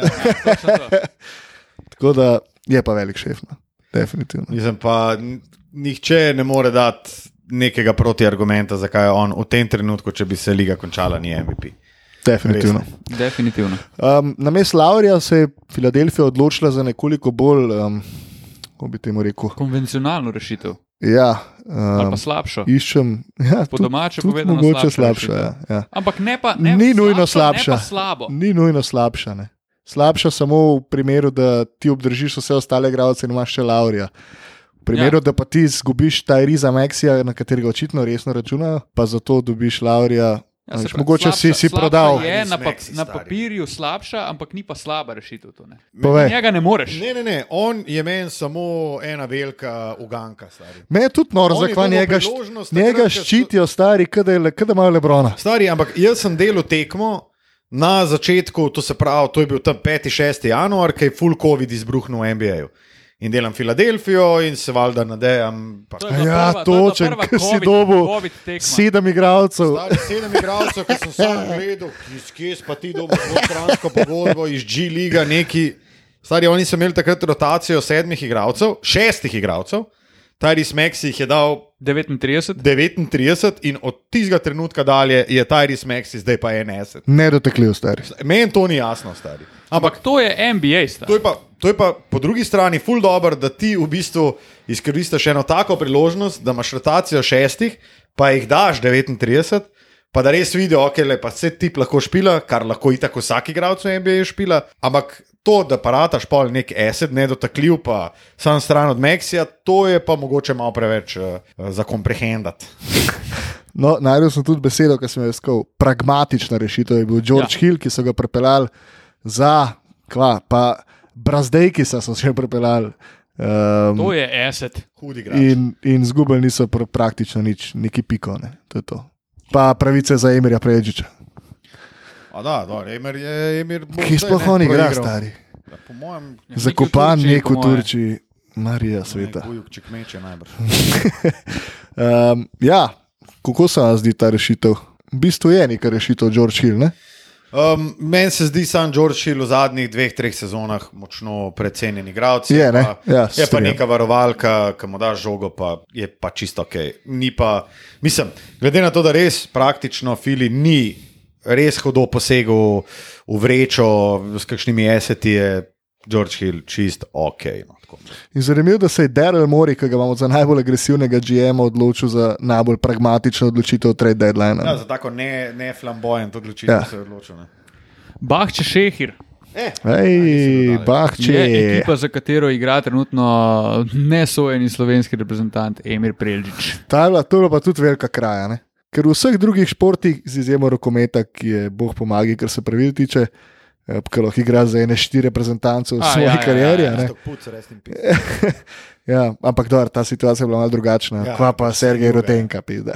Ja, dobro. Majster je igral za tri repke, pa dobro. Rotenka ga je tudi ma- Kjer je igral? Stari kot klube. Kjer je igral, stari tam je bil pač še v repke, ja, malo za slovensko, Ja, malo ja, za ja, špansko. Namaknil tri malo- različne mlake, stari. Um, Kaj sem še razumel? Ja, Preldžič, ja. On je pa igral za mlado slovensko reprezentanco. Pa, ni, ne vem, če ni še so za člansko imel enega Ma, nastopa. mogoče je. Malo. Ampak, mislim, Se pa se je on sam v bistvu odločil, da bo za Turke. ja, am- ampak ne, ja, so bile takrat pravila že, ali so jih pol še malo bolj poostrili, da kaj enkrat zaigraš, ko imaš nastop, je to to. To jaz podpiram. Uh, nadaljujemo. Ja, Meni se zdi George Hill kul, cool. ležit izbira in glede na to, kak kader ima Fili, je to čist ok opcija ja. za drugega. Tako kot je rekel Lux, ja, varovalka, dobra, z izkušnjami, zgreš še en prosti met v finalu, ki je še Ja, vedno del večne zgodovine. Ja. Um, gremo k Tilnovim. K Tilnovemu Miamiju, pa bi te kar prosil, da malo pokomentiraš najprej prihod Nemanja Bjelice. igre. A, kar beseda je moja. Lej, sam, Uh, ne, sam prihod. Nemanja Belice, bom rekel tako, splošno odobravam, pozdravljam odločitve, ki jih je sprejel Miami. Ok, Belica, kul, cool, super rešitev. Če me vprašaš bolj kot Kelly Olenik, ker je on meni najedal, jaz sem bil v kabini, to Lukaš Ocin lahko potrdi, noro živčen, ko je Kelly Olenik v tranzicijskem napadu dobil žogo, pa je zafrtojal, je stari iz devetih metrov brez veze. Uh, to pozdravljam, to se mi zdi kul. Cool. Uh, imam težavo pri tem, da še skozi nisem prepričan, če imajo odgovor na to, kdo bo pokrival v playoffu, naprimer Janisa ali pa Durenta ali pa v končni fazi, ok, Hardna pa Kajrija nekako že. Ali pa tudi te Vse Jani so tudi. a ne. Kaj pa vem, stari. Mislim, Nemanja Bjelica zagotovo teh ljudi ne Ja, bo. pokrival, ni ne? Bema debajo tle. Ja, je, ampak Bema rabiš tudi, naprimer, v primerjavi z lansko sezono je bil tudi Jay Crowder, ki je v veliki meri odnašal rit v obrambi ljudem in v napadu se je skril, dal trolo, če je bilo treba dati, če ne pa tudi prav. Ne, zdaj trenutno Miami tega igralca nima. Vsaj po mojem skromnem mnenju. Ariza je bil, mislim, je kao nek nadomestek, ki v bistvu ni, ker smo se že Ja, pogovarjali v se- podkastu. da je- Mogoče tuk dobrega ali pa zanesljivega igralca. Ne? Mogoče to Ariza bo, mogoče bo to Igi, se ne veš. Če Mislim, bo super. Imajo dva veterana, ki Možnosti podelata v obrambi. ja. Ja. Oladipo sem na zadnjem podkastu rekel, da jaz ne vidim prav nobene dodane vrednosti v njemu, ampak pozdravljam to, da je prišel v Miami. Kljub temu, da če bi me dva tedna nazaj vprašala, ali bi to rad videl, bi rekel ne. Ampak glede na to, kaj je Miami za njega dal, je pa to noro. Mi se lahko pogovarjamo o tem, da je Avery Bradley uh, soliden igralec. Ne, ne moramo se več pa bla, pogovarjati. bla, bla. Ne moramo se več pogovarjati, da je on zelo koristen igralec, No. ker pač ni. Kakorkoli že, ne. Lahko upamo na to, da bo koristen enkrat. Ampak zdaj smo dve leti, mi že govorili o Olynyk. Bradleyju, v Clippersih, v Ja. Clippersih. Pa smo rekli, da je dobro, trade v Miami, v Clippersih ni šlo, ni imel sreče, ni šel v Bubble, vse bo v Miami, pa bo, stari, ne, on je zaključil. No, on, on je je- po Bostonu, ki je bil najboljši skakalec Ja. svoje ekipe, kar je bilo noro, on je tam zaključil kariero. Mislim, In zaključil oni so kariero. dali za Viktorja Oladipa, ki je tudi, če je slabši, kot je bil dve leti, o čemer smo govorili v zadnjem podkastu, še skozi boljši in v napadu. In v obrambi od Averyja Bradleya, ki je konstantno poškodovan, pa se tudi njegov motiv za igro je mogoče malo vprašljiv trenutno, so oni dali do- dejansko Bradleya, pa Olinika za Dipota, kar se mi zdi zelo dober del. A lahko sem neki v Dipotu, Mm, s kom sem si ga jaz Če mal- ne, je ne gre. Sorry, sem, eno stvar za Dipota bi rekel, mogoče je največja prednost ta, da on dejansko hoče igrati šanso, v. Miamiju. Ja. Bo Ja, pa, pa po drugi strani bojo pa mogli, kaj, kaj ga bojo plačali po let, misliš? Po mojem, o tem To je tudi, pa druga zgodba. tudi jih ne briga kaj dosti. Ne, v bistvu je to Oni dober njemu- movie v smislu, zdaj ga imamo tle pol leta, pol leta manj najde. Ampak Saj imamo na ga v njemu, nekih odločilnih dokaže. tekmah, Pa da pa da vidimo. Ja. ne. Na Pa njemu ko je, bo hotel. Kaže, pa pa Je pa to košarkar, ki mislim, da čist sede v mentaliteto uh, Miamija in Tako. ta grit and grind. Ma ne vem, stari. Ma jaz mislim, da Oladipo, recimo pri Oklahomi, je on bil tudi dosta tak. ne. Um, je pa tudi res, da- prva sezona pri Indijani, je bil krno. Čeprav Ja. ja. si je on. Sam se je kar zgubil, ker je prišel v playoff, Ja, hotel je več, kot pa je sposoben. Točno to. Ampak- Meni je on tako mal glorified Dion Waiters, pa vem, da malo pretiravam. Tu tudi. Pa Sam. Olinika pa Bradley, Ne, ne, pa super trade, super to trade, se strinjam, Ja, super Pa trade. tle je tudi en butler, ki itak ne bo šmerglo. Ho- hoče biti- hotel Unsrat bo mu Ja. rekel, ej, model, umir se. Hoče biti v Miamiju in le, zdaj, se, zdaj pa vse na njemu. Ne. Ampak Miami, konc koncev, winner verjetno tega. In ekipa, ki je izgubila do včeraj šest zaporednih tekem.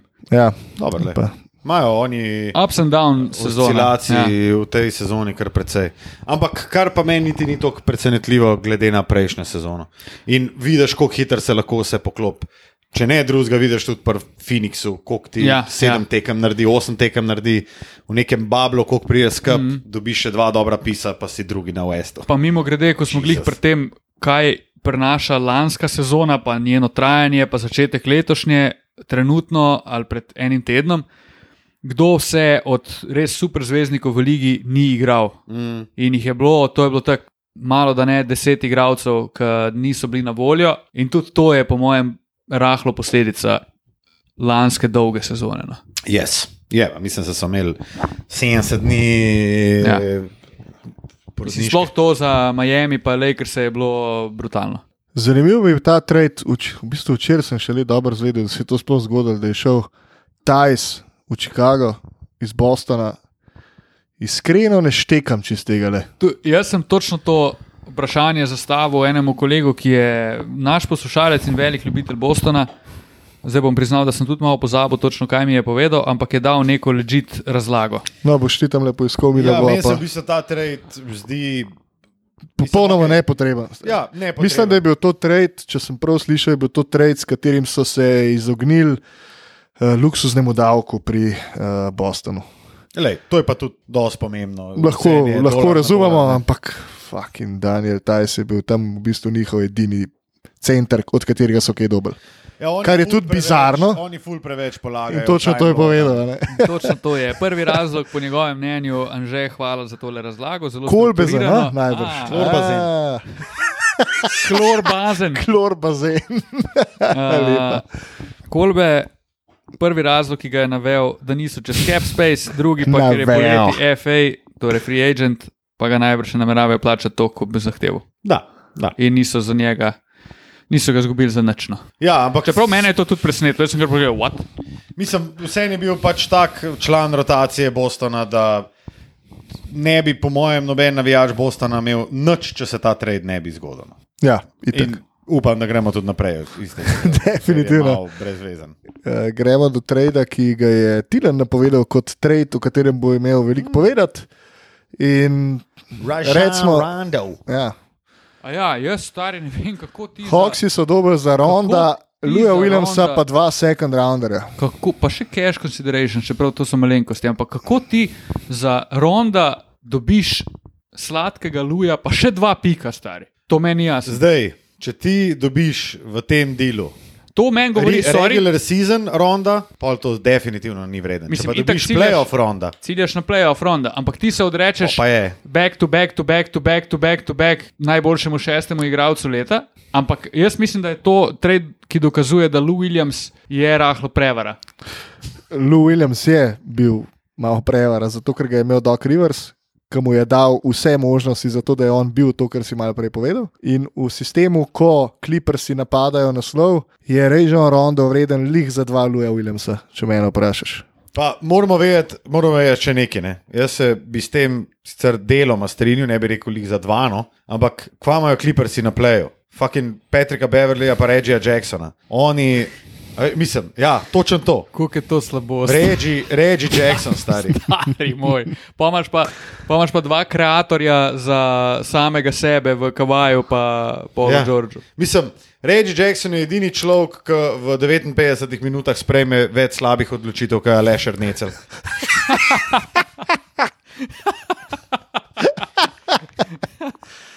E, pa še ena stvar, ne Režon Rondo, tale garderoba. Klipersov mene še zdaj, sicer ne prepriča, ne. to je po Mm, moje kako? ekipa zdaleč najslabšo kemijo v športu, ne samo v košarki. Tu sploh kemije ni. Ne, ni, ja, ne, ne obstaja. Niti ne, Negativna, slaba, ne obstaja. negativna je. Um, Režon Rondo je fantastičen za tako ekipo, da je vsaj eden, um, ki je sposoben neki, neki, neki dati. Ja, ta fotor, stari, da jih mal pošlje v 3 PM. Čeprav so pa taki, uh, se mi zdijo ti igralci ful občutljivi.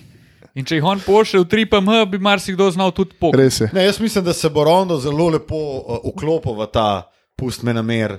Vibe, ki najbrž vlada pri, pri Kawaju Leonardu in Paulu Georgeu, in tako naprej. ne. Um, hotel sem pa reči, da a vidva, recimo, mi smo lan, ko sta George in Kawaj prišla v Clippers, smo rekli, oh, oni so fiks, contender, fiks, to bo, to bo naslov prvaka. Kaj bi zdaj le rekli?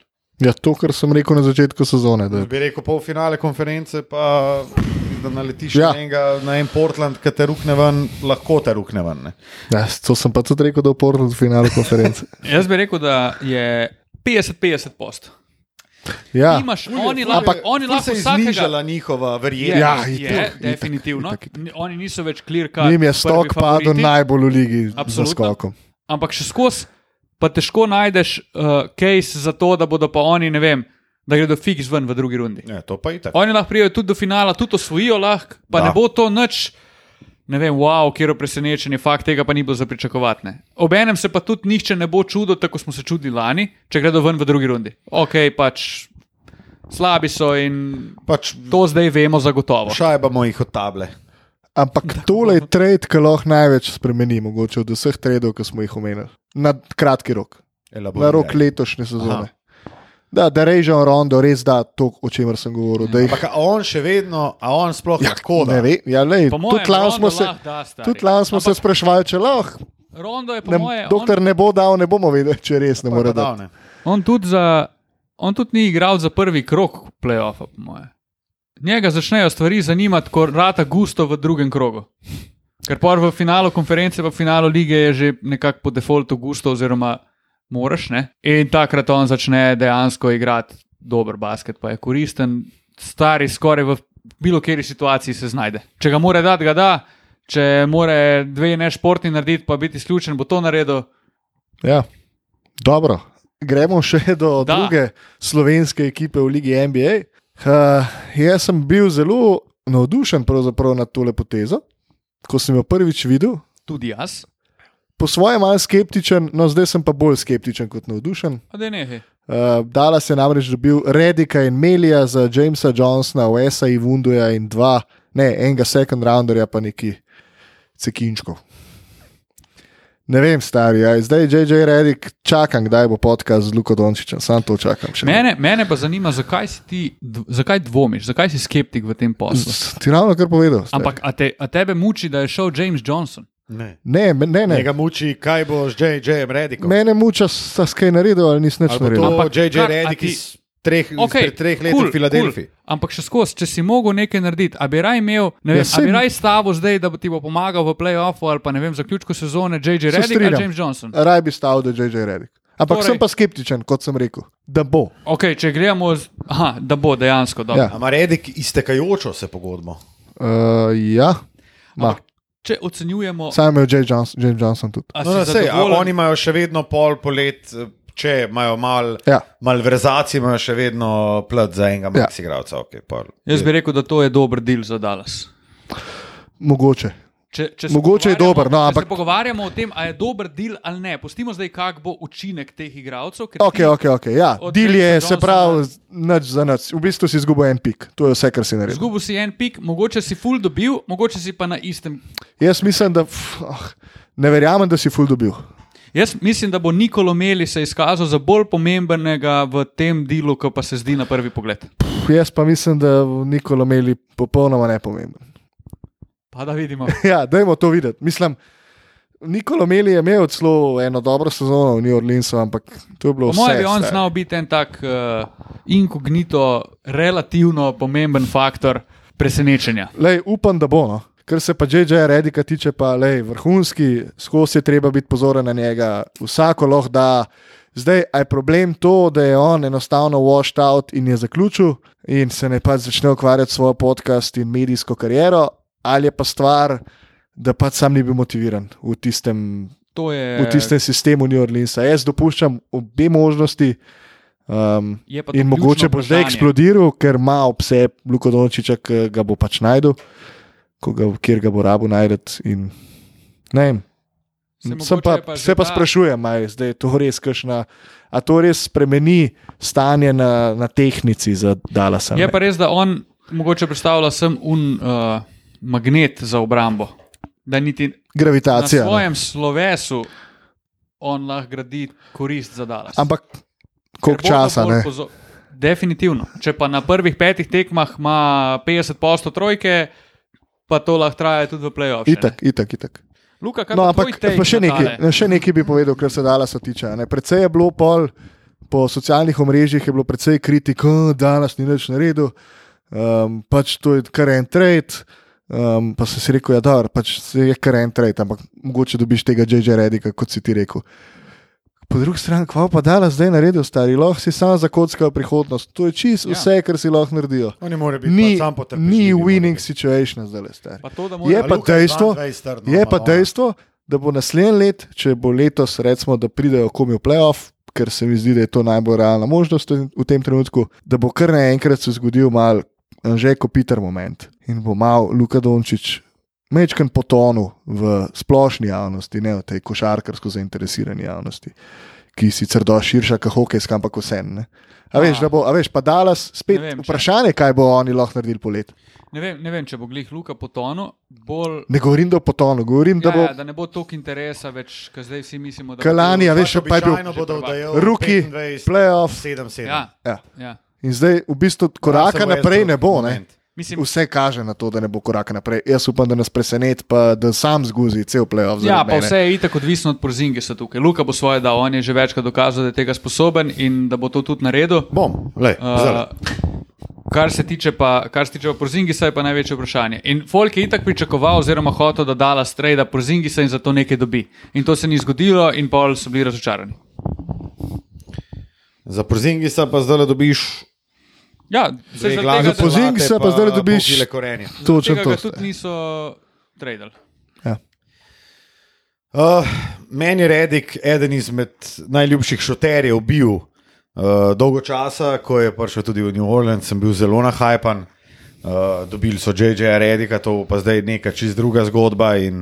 Oni so, ma, jaz sem jih takrat videl zelo visoko, pa se je malo zgodilo obratno. Je pa res, da tudi uh, um, mogoče sistem igre New Orleansa uh, ni tok bil pisan na kožo J.J. Rediku. zdaj, a je on spot-up shooter, a je on ta, ki, ki mislim, si sam ne pripravi meta, oziroma ne naredi dveh krogov okoli obrambe, pa gre čez tri bloke. To je pa zdaj drugo vprašanje, ker Luka ga bo najbrž najdel Ja. zelo velikrat sam. Ga, ne. zdaj jaz nimam sicer podatka, koliko je on spot-up in koliko je off the dribble, ne. uh, ampak, oziroma catch and shoot ali pa off the dribble. Um, meni se to zdi, glede na, če je mogo Dallas kaj narediti, se mi to zdi čisto ok, trade, je pa res, da je pa zavit v tančico skrivnosti, kdaj se bo on vrnil. Koliko bo on hotel igrati, ker on je že milijonkrat rekel, da bi najraje igral za, za Brooklyn, oziroma za uh, eno ekipo, ki je blizu. Uh, ena zanimivost, ker je on igral v Filadelfiji, se je vsak dan uh, vozil nazaj v Brooklyn, uh, kjer ima hišo, kjer živi res. uh, ženo in uh, otroki. No, to je noro Tako. in zanimivo. Ja. Um, tako da, ja, ok, no. če ste mogli kaj narediti, v redu. Ja. Ko smo ravno pri Brooklynu, uh, sem zasedil eno vprašanje, pa mogoče vam zastavim to vprašanje. A vam najeda to, da Brooklyn steka Ne. hude igralce? Ne. Okay. Mislim, hude igralce, sta Marko Aldrich pa Blake Griffin, hude igralce. zdaj. Ja, Sta. mislim, dobro, bi raj videl, Da bi šla drugam kot v sploh ne vem, Brooklyn. kaj naj odgovorim na to vprašanje, ker se mi zdi. A bi raje videl, da bi šla drugam kot v Brooklyn. Ja. Ker je dvignil Pač pač, veliko prehuda, da sta oba da podpisala. LA pa Ja. Blake sta je- še skozi nekdanja superzvezdnika, pa zdaj še skozi zvezdnika. Bog pomaga, kaka, ampak pač sta.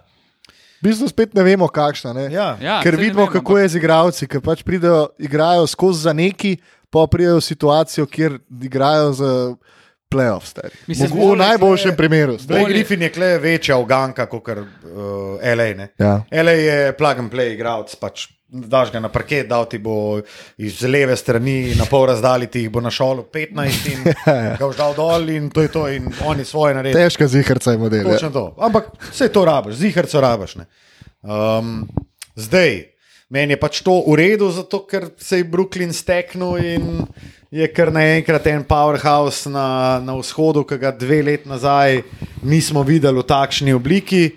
In to mi je čisto ok, zdaj, unika bojo pa rekli, da ja, no, to je pa, zato je pa kriv LeBron James, ko on se pa steka na Westu. In, lej, Dobro, to je Ali pa Okej, vsi nabirajo zato, da je razbil Lebrona Jamesa. Ja, prav, redu. pa se. še eno ne reče, da je stari. LeBron James prvi, ki je to delal, pa ga spomnim na Karla Malona, pa Gerija Pejtona. No. Ja. Pač ring česajo. No. Na koncu, ko si ti star 34 let, ki nimaš prstana, greš pač v ekipo, ki ti da največjo možnost. Oziroma, ko si- s tem ni fucking čisto. Oziroma, ko si v situaciji, kot je Andrej Drummond, recimo, Ja. ki je naredil čisto isto. a ne. Ja. Tako da super timi so bili vedno, ni zdaj super timi, ne obstajajo od Lebrona naprej. Od nekdaj. Super timi ostajajo od nekdaj. In Lebron dosti jih je bilo lih takih, ko so bili vsi stari 30, plus, iskali prstan, so vzeli manjše pogodbe, pa sam gremo. In to se ponavadi konča slabo.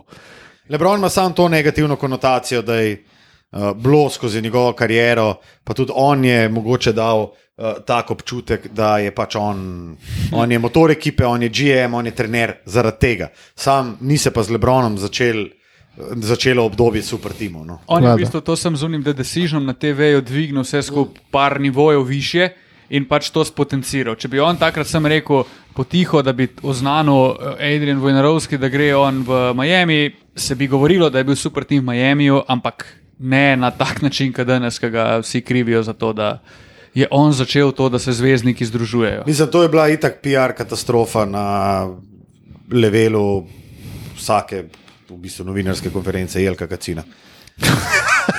Pa smo nazaj. Je, je res, ampak po drugi strani je pa pač tudi zaradi tega pizda on LeBron James. Da. Do Jelko Kacin. Jelko Kacin je v slovenskem političnem prostoru Denis Šreder. Misel, da si Ne. zasluži več, v bistvu. Samo on je vzel, stari. Ja, je, vzel. On je vzel to, kar so ne, oni ne ponudili, brez skrbine. Um, še en trend nam je ostal, ki je v bistvu tudi mal. Ma vprašanje, če je veliko spremenil, je pa dal en nov način, kako bi Denver lahko igral proti mm. uh, najboljšim ekipam na zahodu. Aaron Gordon, o katerem smo imeli neki mnen, pa ne, a smo jih tudi javno izražali, sva jih sam midva malo takole. Ne, sem mislil, da smo rekli, da, A smo rekli? Da kaj. Ne, jaz sem celo podelil to na storju našemu A, sem to, rekel, to, kaj to. on sploh lahko ponudi, Na- glede na to, da Na live njemu- se pogovarjali. Ja, odkot njemu pravica do tega, da zahteva trade uh, in po možnosti celo zbira svojo destinacijo. V On je meni ena večjih prevar v Ligi NBA. Aaron Gordon, pa Gary Clark v Denver, uh, v Orlando, pa Gary Harris, RJ Hampton, pa uh, prvi izbor prihodnosti. Jaz bom tako rekel, jaz mislim, da je to še vedno, tudi če se ne izide z Aaronom Gordonom, kot si mislijo, jaz mislim, da je to še vedno dober trade. Nagici so pač zgubili so Garyja Harrisa, ki je bil dosegljiv tok, uh, ti ponavadi, ki te kličem do 4 popoldan. Ja. Um. RJ Hampton pač so si ga baje ful želeli pri Orlandu, pa so pol zbrali eh, tega Kola Antonija na draftu. Niso kaj dosti zgubili. No, dobili so pa Erona Gordona, ki je po nekih statistikah eden najboljših branilcev za vse najboljše igralce na, v teh super ekipah, za Lebrona, za Kawaja, za Luko in tako naprej. In kar je pri Eronu Gordonu zdaj zanimivo, a bo on. Jaz mislim, da on bi vedno so pričakovali, da bo on več v Orlandu, kot dejansko je. Vedno se je pričakovali, da bo on nek zvezdnik te ekipe, da bo nosilc ob Nikoli Vučeviču. Pa, pol, ne vem, pa so nekaj časa ga guzili, pa je igral uh, štirko, pa je igral full pod košem, pa ni bilo ok. Pol, v bistvu se je najbolj se je izkazal kot uh, rim roller v pick-and-roll akcijah, ker bo imel zdaj pač ogromno situacij in z Nikolo in z Džamalom. Uh, ne vem, drkali so ga, da bo trice metu, pa je v bistvu full popravil odstotek, mislim, da ima nekaj čas 37 Ja, v letošnji sezoni. Ja, in zdaj, mogoče je to končno, če se je on sprijaznil z vlogo v ekipi, mogoče zdaj je to končno čas, da Aaron Gordon postane igralec, ki je nekaj vreden. On je mislim, da je ena taka uravnilovka Willu Bartonu. Will Barton je Ja, velik, un- velik skret. Tu je mikrovalovka, težka Ja. ja. stvar. Pa, ja, mikrovalovka. On, recimo, to lahko pohvalim, on je recimo ta pač. On ti prenese neko. Ti ga pa zelo rad, Koga? Willa Bartona. Ne, ne, ne, jaz v bistvu malo hejtam Willa Bartona. A Res, Jaz, sam bi ti ga vedno izpostavljaš. Pa Will Ne, Barton je nazaj. bi- Pa, jaz bi Recimo, prej, ne, se Will Barton nikoli ni zdel nek faktor. Meni tudi ne. Ne, jaz bi tudi ne. recimo prej trade Willa Bartona, kot Garyja Harrisa. Recimo. A, okay, jaz pa se strinjam samo zaradi tega, ker je Gary Harris, ne vem, če je odigral 70 On tekem v zadnjih ful treh sezonah. stari. To se strinjam, ampak jaz imam any day of the week kraj zdravega Garyja Harrisa, kot zdravega Willa Bartona. No. To se pa strinjam, to tlepte pa podpiram. Tako da Aaron Gordon je čist soliden pik, pick up. Uh, je pa res, da mogoče pa ne vidim, ne vidim toliko dodane vrednosti, da bi pa zdaj kar naenkrat. Veš, ni zdaj to tak nek wow faktor, pa ule, koga smo Ni, ni, ni. Zdaj smo pa mi kar naenkrat. Ne, dejansko ne mislim, da je spremeni. Phoenix pa Utah sta Dejansko ne spremeni Denver. stanja Ja, na zahodu. No. U, jaz bi rekel, da Mogoče pa zboljša njihov potencial, ampak ne v tej meri. Jaz bi Le, rekel, ali pa tudi, mogoče pa potencial dejansko na nivoju Phoenixa pa Utah. Mogoče ga Utaha, pa mogoče. v Denverju. Točno in to. Bo bist. Ja. V resnici. jaz bi rekel, da Denver nosi trenutno v playoffu in Utah in Phoenix. Jaz mislim, da. Ja, odvisen, ka, odvisen, rekel, odvisen kater Džamal pride igrati. Ja. Ampak na podlagi lanskega playoffa bi Long Pizda, na zdaj pod- v tem trenutku rekel, mogoče se bom čez dva meseca, ko bo konc srednjega dela sezone, premislil. Ampak bi rekel, jaz bi stavil, da imamo zdaj serijo Denver, Utah ali pa Denver, Phoenix, bi stavil na Denver v obeh primerih. Res je, da ima izkušnje, ampak na Džamala jaz ne stavim nikoli Ja. ja. več. Je, se strinjam. Ja. Se strinjam.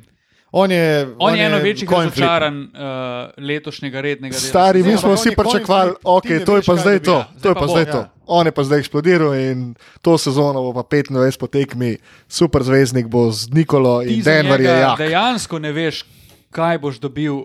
Ne. Še Any given night, pred tekmo ti nimaš pojma, kaj bo prišel na igrišče. Sam neki, ne?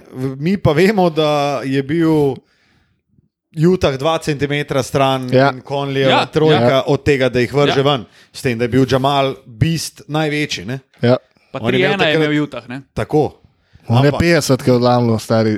On je bil v Bablu, je bil unstoppable skrb z Donovanom Mičlom. ne. To je bilo noro, stari kvasta pa te dva šajbala, to je bilo pa je nekaj žur, božjega, žur, stari, res, žur. On je bil odklenjen, je bil. tako Ja. kot eh, recimo Bradley Cooper v tistem eh, znamenitem filmu. O, Marija. Čakal sem, kaj bo primerjava, ampak Bradley Cooper. Cooper. Prva, prvič se je pojavil v našem podkastu, dobrodošel, Bradley, Bradley. krik, en krik za Bradley. Hej. Um, Jaz sem še enkrat eno na enem žuru je prišla ena beba do mene in rekla, da zgledam kot Bradley Cooper. Opa! sem- Če pa tole nisi guzil, prijatelj, pa pa je bi. Ej, jo, bum. Ne, ne, ne, nisem, nisem. Pa ni bila edina v bistvu. No? Uh, neke poteze, zgleda, imam, uh, presedite se. No, uh, zdaj pa. Jonah post na Hill. Instagramu. Sem to bom rekel. Luka, Spode bo pa pisalo, uh, da ali ne. Luka kot Aleš, pa Luka kot Bradley. Ne? To pa je prizor, ki ga ne želimo. To pa, to pa vemo, da bo nož v hrbet. Ne? To pa jaz naredil, To stari. pa vi taka sramota, če ste glasovali za, za Ej. proti Bradleyju. Še eno vprašanje. A je mogoče Denver v Aaronu Gordonu iskal novega Jeremija Granta? Točno to je delo, točno to so oni delali. Jaz bi rekel, da malo so. Ja, Da oni niti niso vedeli do začetka letošnje sezone, kaj, Kaj v njihovi ekipi pomeni. Ja. ker so bili tako nalovdani s temi krilnimi igralci na pune bombe in so zdaj se odločili, ok, nam pa mogoče tukaj nekaj fali. In meni se ta akvizicija Aerona Gordona zdi kar uh, ležit. Zelo dobro. Ja, jaz, Akvizicija je rekel, da si Krištof Kolumb, da pa napadaš. Stari, ti si govoril republiko. danes take besede, da komprehendiral. komprehendiral. Uh, Uh, da, da. vicinity, Visi, visi, Visiniteta. viciniteta. Ne, dober, dober pik. Pa točno to so delali, če me vprašaš. No. Dober pick-up track. Okay. Cool. Zdaj smo tole obdelali Mm, in mislim, da nimamo nič drugega za obdelati. Ne, uh, mogoče še buyout market v minutki. A, LA smo v bistvu malo že. Lamarcus, ja. Ja, lej, ko smo drama, da pride not, malo gajba in to je to. Meni je kul, Drummond. da je Dramon šel v Lakers, pa tudi se mi zdi, da Vse oni te tega ene. centra rabijo. Tajga. Človek je v Tajga. desetih letih osemkrat rebound king. Ja, res je. Mislim, to je, to je kar malo neferno. Tudi prvič bo igral v eni ekipi, kak je pomen. Tudi to, tudi Ja, to, to je tudi tudi res, to bo ja. zelo, zelo zanimivo spremljati. Ja. Pa vedno je bil degaj, kao ne on. Ja, pa predvsem hotel je biti The Guy, ampak zdaj se mi pa on zdi kot en model, ki je pogrunto, da mogoče pa to tudi ni. Ne, jaz mislim, da ni on tega pogruntu, jaz mislim, da je Mi že sam. smo mu povedali. ja, jaz mislim, da so mu povedali, prid k nam, mi gremo zdaj po prsten, pa se boš okitil in ti greš lahko naprej. Tega je nekje pač, v Broze Bambergu. Ki ga je danes, tja je, je tja je Denisa danes, namenil. Denisa pokoro namenil Lukaš Tucin. Je pa ena, z, ne, a, on, eh, tale Greg Monroe. Je pa ena, zdaj, Greg ena, Monroe, z- stari. z- Kje pa je zdaj Greg Monroe? Greg. Monroe. Ne, iz Himke je tudi Pinkiju. šel. Je bil pa v Bayernu, mislim, da Greg Monroe. Ne? Popravite. Ja, bil je Ja, bil je na začetku sezone, bil pa v Himletu. Ampak Greg Monroe in Andrew Drummond sta bila v Detroitu velike zveri. Ja, ona dva sta imela oba dva double double. ne? Double, double Greg in- Monroe je pol vzel cash od Milwaukeeja, takrat smo se vsi, oh, fuck, New York, končno bilo dovoljenega igrati. eh." Pa bo še pa tja za v Milwaukee za en let, pa, pa, pa. Adijo, živijo Bayern. V Minken. živijo Oktoberfest. Igra pa najbolj old school basket na svetu, ali Greg Monroe in ga je malo težko gledati, če si iskren. Je, je, pa tudi uh, bi rekel, da njegove odločitve niso ravno najbolj krisp. Ja, pogosto. Mislim, on je tudi človek, ki misli, da je pač najjači na parketu v vsakem danem trenutku. S to razliko, da jaz trenutno mislim, da frizura od Matija je najjača. Ja, ej. Namo ga spet brukal. A, Ampak, zakon. uh, ja, ja, zurka je pa zdaj. On point, stari. Dobro, da je unle crkno, pa da ne dela več. Ej. Super stvar. Škoda. Škoda, Oktavija. Ej, Kombi. Uh, to je pa še mene malo presenetilo. Um, ja, nič, mislim, da še smo- kaj rekla, no, Ne, neč več. mislim, da smo parjadrali. Dajmo se še malo pogovarjati. Koliko cajt traja ta reč? Uro in pol. hojs pa tam leži. Spet ta neka ura, pa pol. Trka na vrata. Ne? Ja, to je v bistvu en. Aha. A? Ja, lež. To pa ni RTV, gospod. Um, v bistvu je tole naslednji podcast, bomo že prebrodili novo. Novo 24. To nažalost ne bomo nikoli prebrodili. Ne, novo težavno obdobje za štirimi stenami, ne? med štirimi stenami. Zakaj? Ja, sledi veliki lockdown, ki to ni, A, ampak ja. saj res. Pa pa tako malo sprašuješ, star. Jaz sem šel danes po malcu tja k sosedu v Vivo, čez cesto in avto vi delali zdaj med lockdownom. Ja, voda. Zdaj, prosim, te kaše, to, pa neke otroške trgovine. To bo, to, če ne prodajate po večini cun, ste lahko odprti, what the fuck, stari. Pa kaše, pa kva vi delate? Sam to bi vprašal. Spoštovani vodilni v naši državi, kva delate? Poleg tega imam še dve stvari. Ena je vezana na lockdown, druga je pa še en krik. Eh, Pa mogoče s krikom počakal, da pride nazaj še tilč. No, ena stvar je pa, stari spet so profesionalni šport, so lagano ugasnili za 11 dni. No, mogoče lahko na veliko noč igrajo. Uh, profesionalni šport je, jaz bi temu rekel, zadnji čigumi na podplatu, ki ga, Pod mizo učilnice 4. B v tako, ki ga z velikim Želimljah, stari. Ga strgaš dol z mize in izpod, pla, izpod plata, res. In Tilen se bo tle pridružil, ker mislim, da je Športom, res, je lepo pokomentiral na Twitterju. ne. Ej, Športom delajo kot staro copato. Recimo, ne, sicer še ni končne odločitve, Now we're pa talking. mogoče bo, ne, ampak recimo ti imaš zdaj Aba ligo, ki se lahko igra. To je danes tudi sporočila Olimpija. Ne. Ampak obstaja pa ena. A, oni lahko igrajo, Aba ligo. Lahko. lahko. V gosteh ali doma tudi. Doma tudi. O. Pač ekipe, ki igrajo v mednarodnih tekmovanjih, imajo Aha, Ampak to dovoljeno. je regionalno tekmovanje, kao. Ne? Ampak je mednarodno. Okay.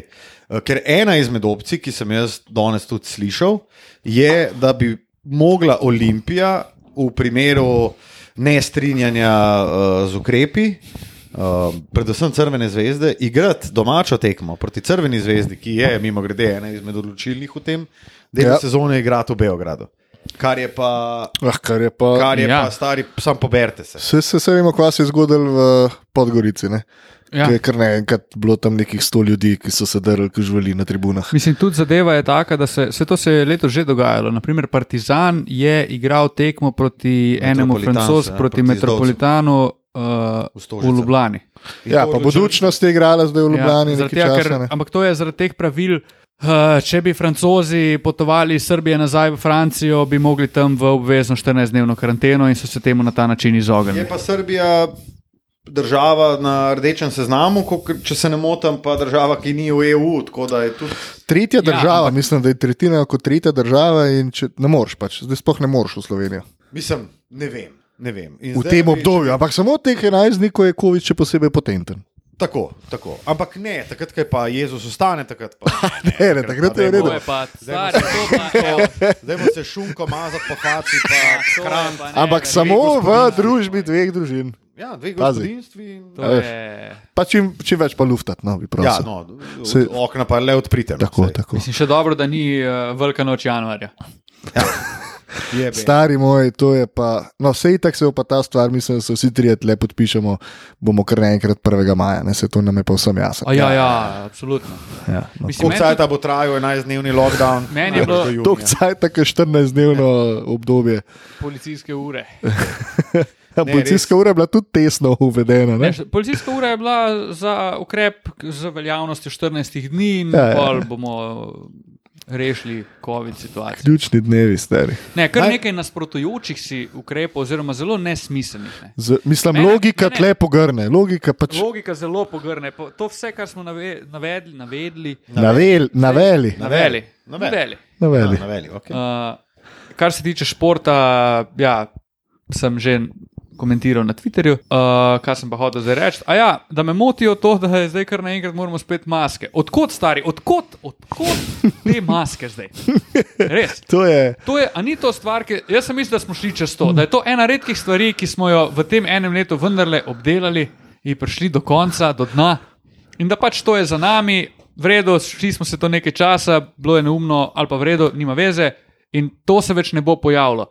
In zdaj se je ful govorilo o lockdownu, pa spet v redu, kul, cool, zdaj spet rastemo številke. Vse po eni strani tudi razumem, v redu, zapri, kul. Cool. Sam dej zapri, stari. Ampak pol, da, pol rečeš, pa zdaj morate pa še maske nositi, stari. Se pravi, jaz grem na kolo. Ne, ti pa, greš ne v vem, otroško trgovino, kjer, so, kjer po in- večini ni otroških oblačil. Ja, Greš peš, ja, tja greš, ker to je odprto v popolnem lockdownu. namreč. ja.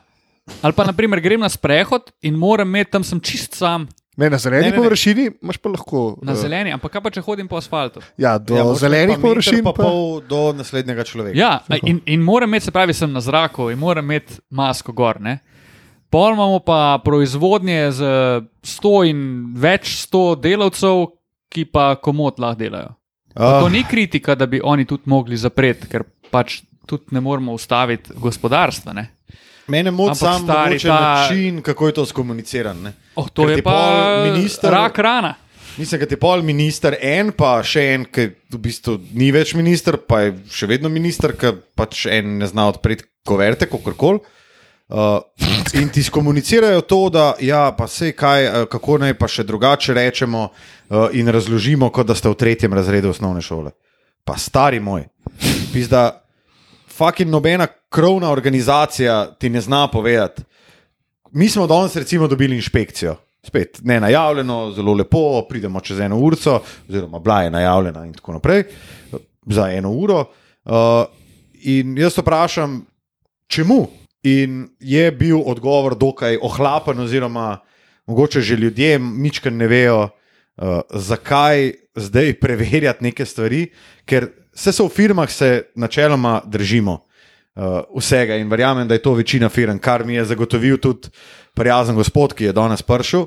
In je rekel, da mogoče bi bila kakšna firma ali pa dve, da ne bi noter mask nosil. Ampak jaz, recimo, kle, štirje smo na 250 kvadratnih metrih. A nosiš masko ali ne? A jo nosiš? Ne. Ne. Ne. A ti common sense reče, mej masko noter. Čeprav so štiri različne pisarne in se ti praktično ne vidiš, razen ki greš dol na kavo, pa si v bistvu na luftu. ne. Meni je sam pač tako, v redu, dajmo, dajmo imeti rigorozne ukrepe, ampak dej naj bo za tem neka strokovna razlaga. Pa naj ne bo- logična naj Naj bo. ne bo pokroviteljsko to, kar nam vi razlagate. Kako, boste, mislim, kako naj mi se držimo ukrepov. Dej, ne ti meni v prvih petih minutah novinarske konference dati feelinga, da sem jaz največji debis na svetu. Pa da če imam jaz eno pod vprašanje, da je to največja bruka na svetu in da mi moraš razloži- razložiti, kot da sem v tretjem razredu osnovne šole.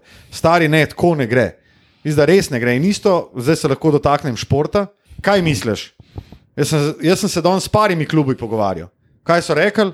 Ja, dokler ne bo, dokler ne bo drugač, bomo mi delali tako, kot smo do zdaj. Kaj ti to pove? Da stari fucking noben ne ve, ali oni zdaj lahko igrajo tekmo, morajo iti v goste, pa koliko cajta se lahko, a se lahko več kot 48 ur v Beogradu, pa da pridejo nazaj.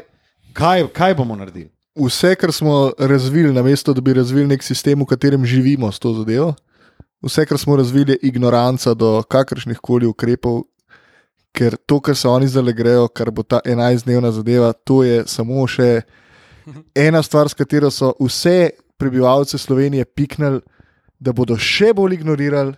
Zadeve in pač sami iskali, sami iskali luknje, sami iskali luknje, kako se izogniti ukrepom, ki jih oni zapovedujejo. Jaz se kle sicer ne bi strinjal s tabo, da jih ne bomo upoštevali, valjda bomo vsi upoštevali ta pravila. Ampak, kaj Jezus, kaj Jezus pred 2021 leti vstal, pa prišel iz une jame, ne? on ni vedel, da bo zdaj COVID klene. In zakaj, zakaj uh, je pa zdaj Jezus razlog, da, da pa, lej, vse je v redu, bod doma pa. Pizda, če greš laufat, pa je nekdo en meter pa pol stran od tebe, imej masko gor, ampak ne, pejt pa jest isto šunko svojo mamo, ki je po možnosti v neki, ali pa babico, ki je po možnosti v neki skupini, pa ni cepljena še vedno. Ker seveda dobro prakso, ki jo poznamo iz jugovzhoda Slovenije, se seveda kritizira na državnih novinarskih konferencah. ne. Um, ampak ja, dej ne id deset dni do svoje mat, pa bakice, da jih slučajno ne bo kužil, Ampak je bi ga, ker se pa perhe dajo v fiko, to, pa, to je pa pač v redu. Dajmo, Pa treba mislim, se Dajmo jajca bo trkat. nanuditi, Dajmo se pa gremo. pitati s temi perhi in bo, takrat bo pa vse v redu. Ne, ker to je pa strokovno. Ne? Strokovno so oni ugotovili, da dve družini bo lahko. Ja, jaz bi rekel, da uh, ti si Ampak Matija- to, to sam potrdi, no, da se je ta ignoranca se je pač razvila. Ja, Jebi ga ta ignoranca je, ignoranca pa dru- drugi faktor je pa po mojem spoštovanje. Ne? In če bi, če bi naprimer spoštovali na, v kakršni koli situaciji, ko se znajdeš, če ti spoštuješ ali na tekmi svojega nasprotnika, ali nekoga, s katerim se pogovarjaš, ki ga na novo spoznaš, ali pa svojega prijatelja ali pa partnerja, je vse lažje. In tu, naprimer, v tej situaciji, če bi se spoštovalo ljudi, ki se jih, kot si omenil, ignorira, oziroma je nek prezir do velikega dela splošne javnosti, pa igranje, kot da smo v vrtu, niti ne v osnovni šoli, bi bilo to veliko lažje, ker bi tudi ljudje, če bi ti, če bi oblast imela spoštovanje do ljudi, bi ljudje imeli večje, spošto, večje spoštovanje do oblasti in hkrati do ukrepov, in bi mogoče bili v boljši situaciji. Mogoče pa tudi ne. Pa, Ampak tudi če, ne bi bili, tudi, če ne, sorry, tudi če ne bi bili v boljši situaciji, bi se najbrž imeli lepše. Evo, to. jaz pa recimo tudi ne razumem, pa se fulj strinjam s tem, kar si rekel, ampak tudi ne razumem pa modus operandija, koliko ti je fucking težko reči, sorry, zafukali smo. Ja. koliko je to, stari, ne, nismo zafukali. Najprej so dolenci zafukali, ker so bili v zidancah, pa so, se tam, pa so jih tam guzili brez rokavic. Ne. Pol so bili krivi, ne vem, Ljubljančani, ki so protestirali. Kar je pa še ena sfera, ki se odpira. Ne? Da, ja, dajmo se družiti, pa basket igrati pet na pet, ne? ampak boh ne dej, da bi pa prišel pred parlament deset folka, pa vzdržal, pa ne š- vzdržal eh, distanco, pa ne švico en po drugmu, pa pluvo en po drugmu.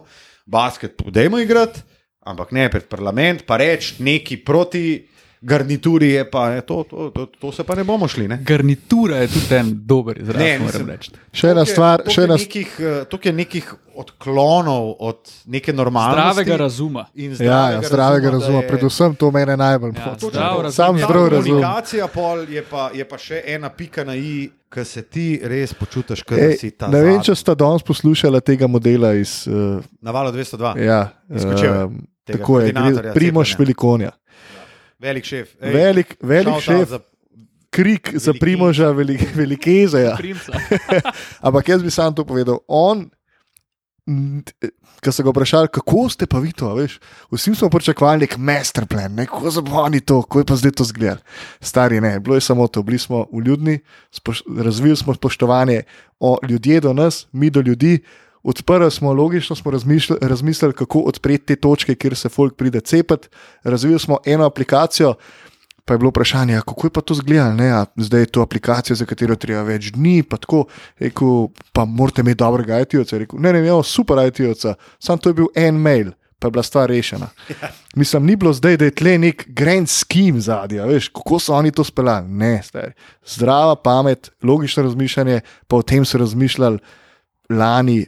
Ko se je začel govoriti o tem, da bo cepivo verjetno čez eno leto. Star. Sploh ni velika stvar. Ne. In da si tale butelj, upaj to sploh kritizirati, je pa, je pa itek poden od podna. To Pa pa naj- najboljše to, ni vredno da kritike. se star. je več tisoče ljudi prijavili na EU pravo za cepljenje, med drugimi sem jaz tudi prijavil svojo buko.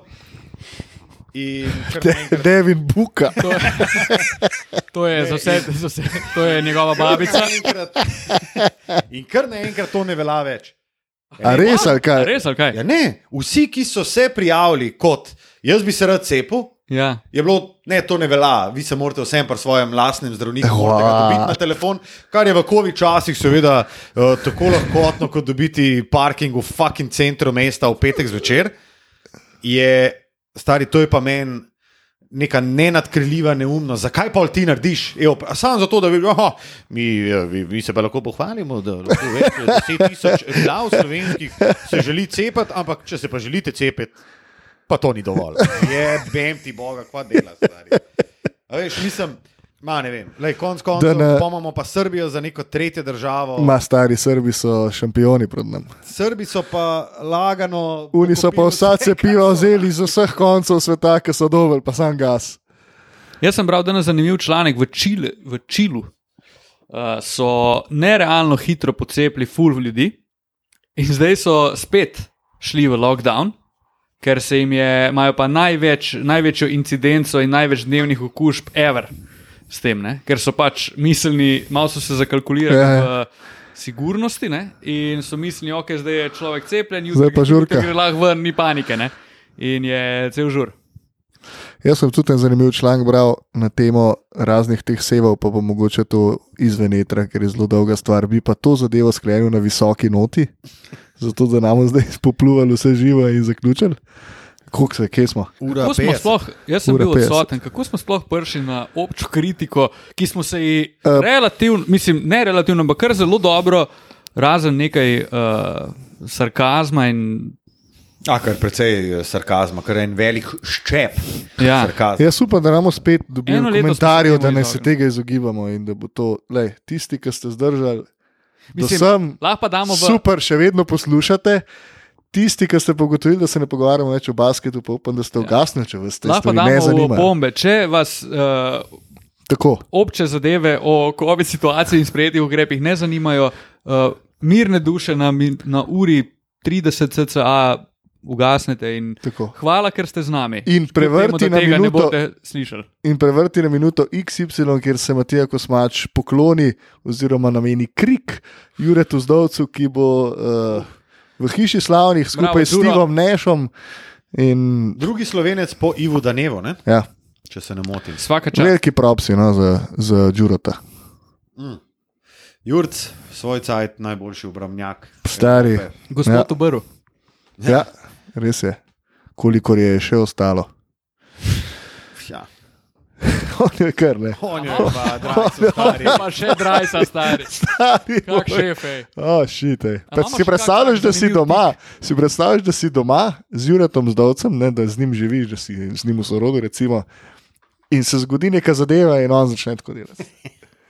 Jaz ratam najbolj živčen človek na svetu, ker zdaj le nek, nek je tempirana atomska bomba. Stari. Jure je sprožil svoje možgančke in se praska za obrv. Ne, to je, šef. to je uh, nevarna situacija. Je definitivno. definitivno, definitivno. Imamo še Dobro. kak tak zanimiv tik. Pa se v bistvu so bili naši trenerji, pa selektori, zmer zanimivi pri teh zadevah. Se spomniš zmago Sagadin v zlatih časih Olimpije, ko so zadeve postale resne in je zavi, zavihral s tistim svojim sukničem in tako naprej. On je en takih, ne. Uh, pa kokoškov. Roki obok. Ja, ja, pa kokoškov s to svojo kvazi mirnostjo ne, v vseh možnih situacijah. Kokoško stari je pa. On je bil. On je meni velik, velik šef. Fuck. Ampak kako Glih je, on bil, tega. kako je on bil miren, un timeout, mm. legendarni timeout k- Z Gogem. z Gogem, pa ki mu je dvakrat pokazal vse, vsece. Pa sam, sam, da, sam s prstom mu je pokazal vsece. Ja. Pač, Stari, to je to. In on je prišel, no, ista faca, non fucking stop. Skozi. Pa on se misli, da je pol enkrat nasmejal, ker so medalje dobili. Pa, je Ja, ja, ja, ja. pa to je bila edina slika, po mojem, na, v enem mesecu prvenstva, stari, ki je on pokazal zobene. Sicer ima kar čudne domine, ampak Ej, pa še en zanimiv trener. V bistvu zelo zanimivo, kako sta dve reprezentanci iz različnih športov prišli do velikih uspehov. Na eni strani košarka do naslova prvaka, pa na drugi strani rokomet do tistega tretjega mesta eh, proti Hrvaški po preobratu. Pa vujo čist, čist drugačen tip trenerja. Ja, Ja, ja. ja. Skozi. Čeprav jaz mislim, da je on full pasal tem rokometašem, ker se mi zdi, oni so kvalitetno na neverjetno visoki ravni. Tako, ko pogledaš ekipo, si rečeš, pač tle ni slabega igralca, oziroma smo pet slabih, pet dobrih pustili doma. Ne. Ampak rezultat pa zelo težko pride. In tle so kar malo rabe tega vujeta, da on jih je brcal. kaos, stari.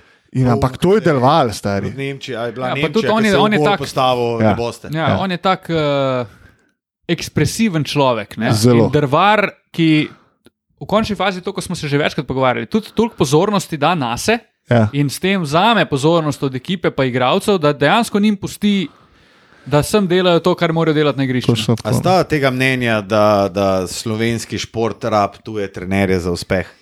Ker če gledamo Veselin, gledamo Igorja, gledamo Džanija v odbojki, gledamo mislim- Mi se- Matija mi se- smučanju. Jaz mislim, da ja. Jaz mislim, da se hočemo prepričati, da ne, Ampak, Ampak vsi, vsi indici in statistika, bilanca resnih, najvišjih, največjih uspehov kaže na to, da dejansko rabimo. Čeprav ima Slovenija premore ogromno strokovnjakov v vseh športih. Pa dobrih strokovnjakov. Tudi ljudi, Sam- ki so uspešni in doma, in v Evropi. Bela kaj pa trenerski uspehi na tujem? Slovenski. Ja, Slovenskih trenerjev. Slovenskih trenerjev. ja. A se a nam pride, kaj Ja. še na pamet? Mislim, imamo te tri tuje, ki v, se jih takoj v spomniš. ne? smučanju smo imeli dobre, ajde, bolj mel, kot jih imamo. Ne? Mislim, fucking težko se spomnimo. Težko se spomniš. Ne? Res, okay, uh, A je uspeh to, da je Bojan Prašnikar vodil? Ne, ne, ne, Ne, pač to ni uspeh. Mislim, Aha. je uspeh, z, njegov osebni uspeh to je, ni pa. Ajde, Evropsko, Nemčija, Slovenija, finale 2-4, to ne tisel, recimo. Evo. Rokomet. Pa govorim na tujem, ne v bistvu me zanima. Da je on na tujem naredil Ja. rezultat. Jaz, Ja, slajdite nam v komentarje, pa nam povejte. Pač zdaj sem, Jaz sem eh, zdaj čist blank. jaz sem tudi potegnil blank. Tudi Ampak jaz. ja, mislim, po drugi strani pa zelo zanimivo. Ne? ja saj si lažje. je bil uh, pokalni zmagovalec v Turčiji z Bambitom. No, pa recimo Walter Klin je postavil košarko v, na polskem. Ne? Ja. Ampak Ja, dobro. Ne, mislim, To sem se zdaj spomnil. Ni, ni. Kanta, ne, Točno tako. Ne vem, neki. Um, slovenski trener. Do, dobra, dobra debata. Morda za kdaj drugič, ko se bomo ja. Opremili s kakšnimi podatki. Sicer bomo veseli tudi kakšnega komentarja, kako se vam je zdel tale sodniški dodatek, ki je mal uh, zletel izven tirnic, ki ste jih vajeni, In tudi izven Hojsa. e, izven hojsa. Ihi. Uh, in smo na rekordnem, Mislim, da. ura. Ja, a ni bil un, je bil tudi tam, tudi tam nek uh, skate. Tam, tam je bilo. Uresničujemo pa Ne, želje ne, enega ni. izmed To je eh, rekord, to je rekord. naših poslušalcev in tistih, ki nas spremljate na Instagramu, ki je pod zadnjo objavo komentiral, da prosi uh, uro pa pol do dve uri dolg podcast z zaključkom LP, kar vedno znova obožujem, predvsem v SMS-ih, s katerimi sem si dober. LP. Lepo.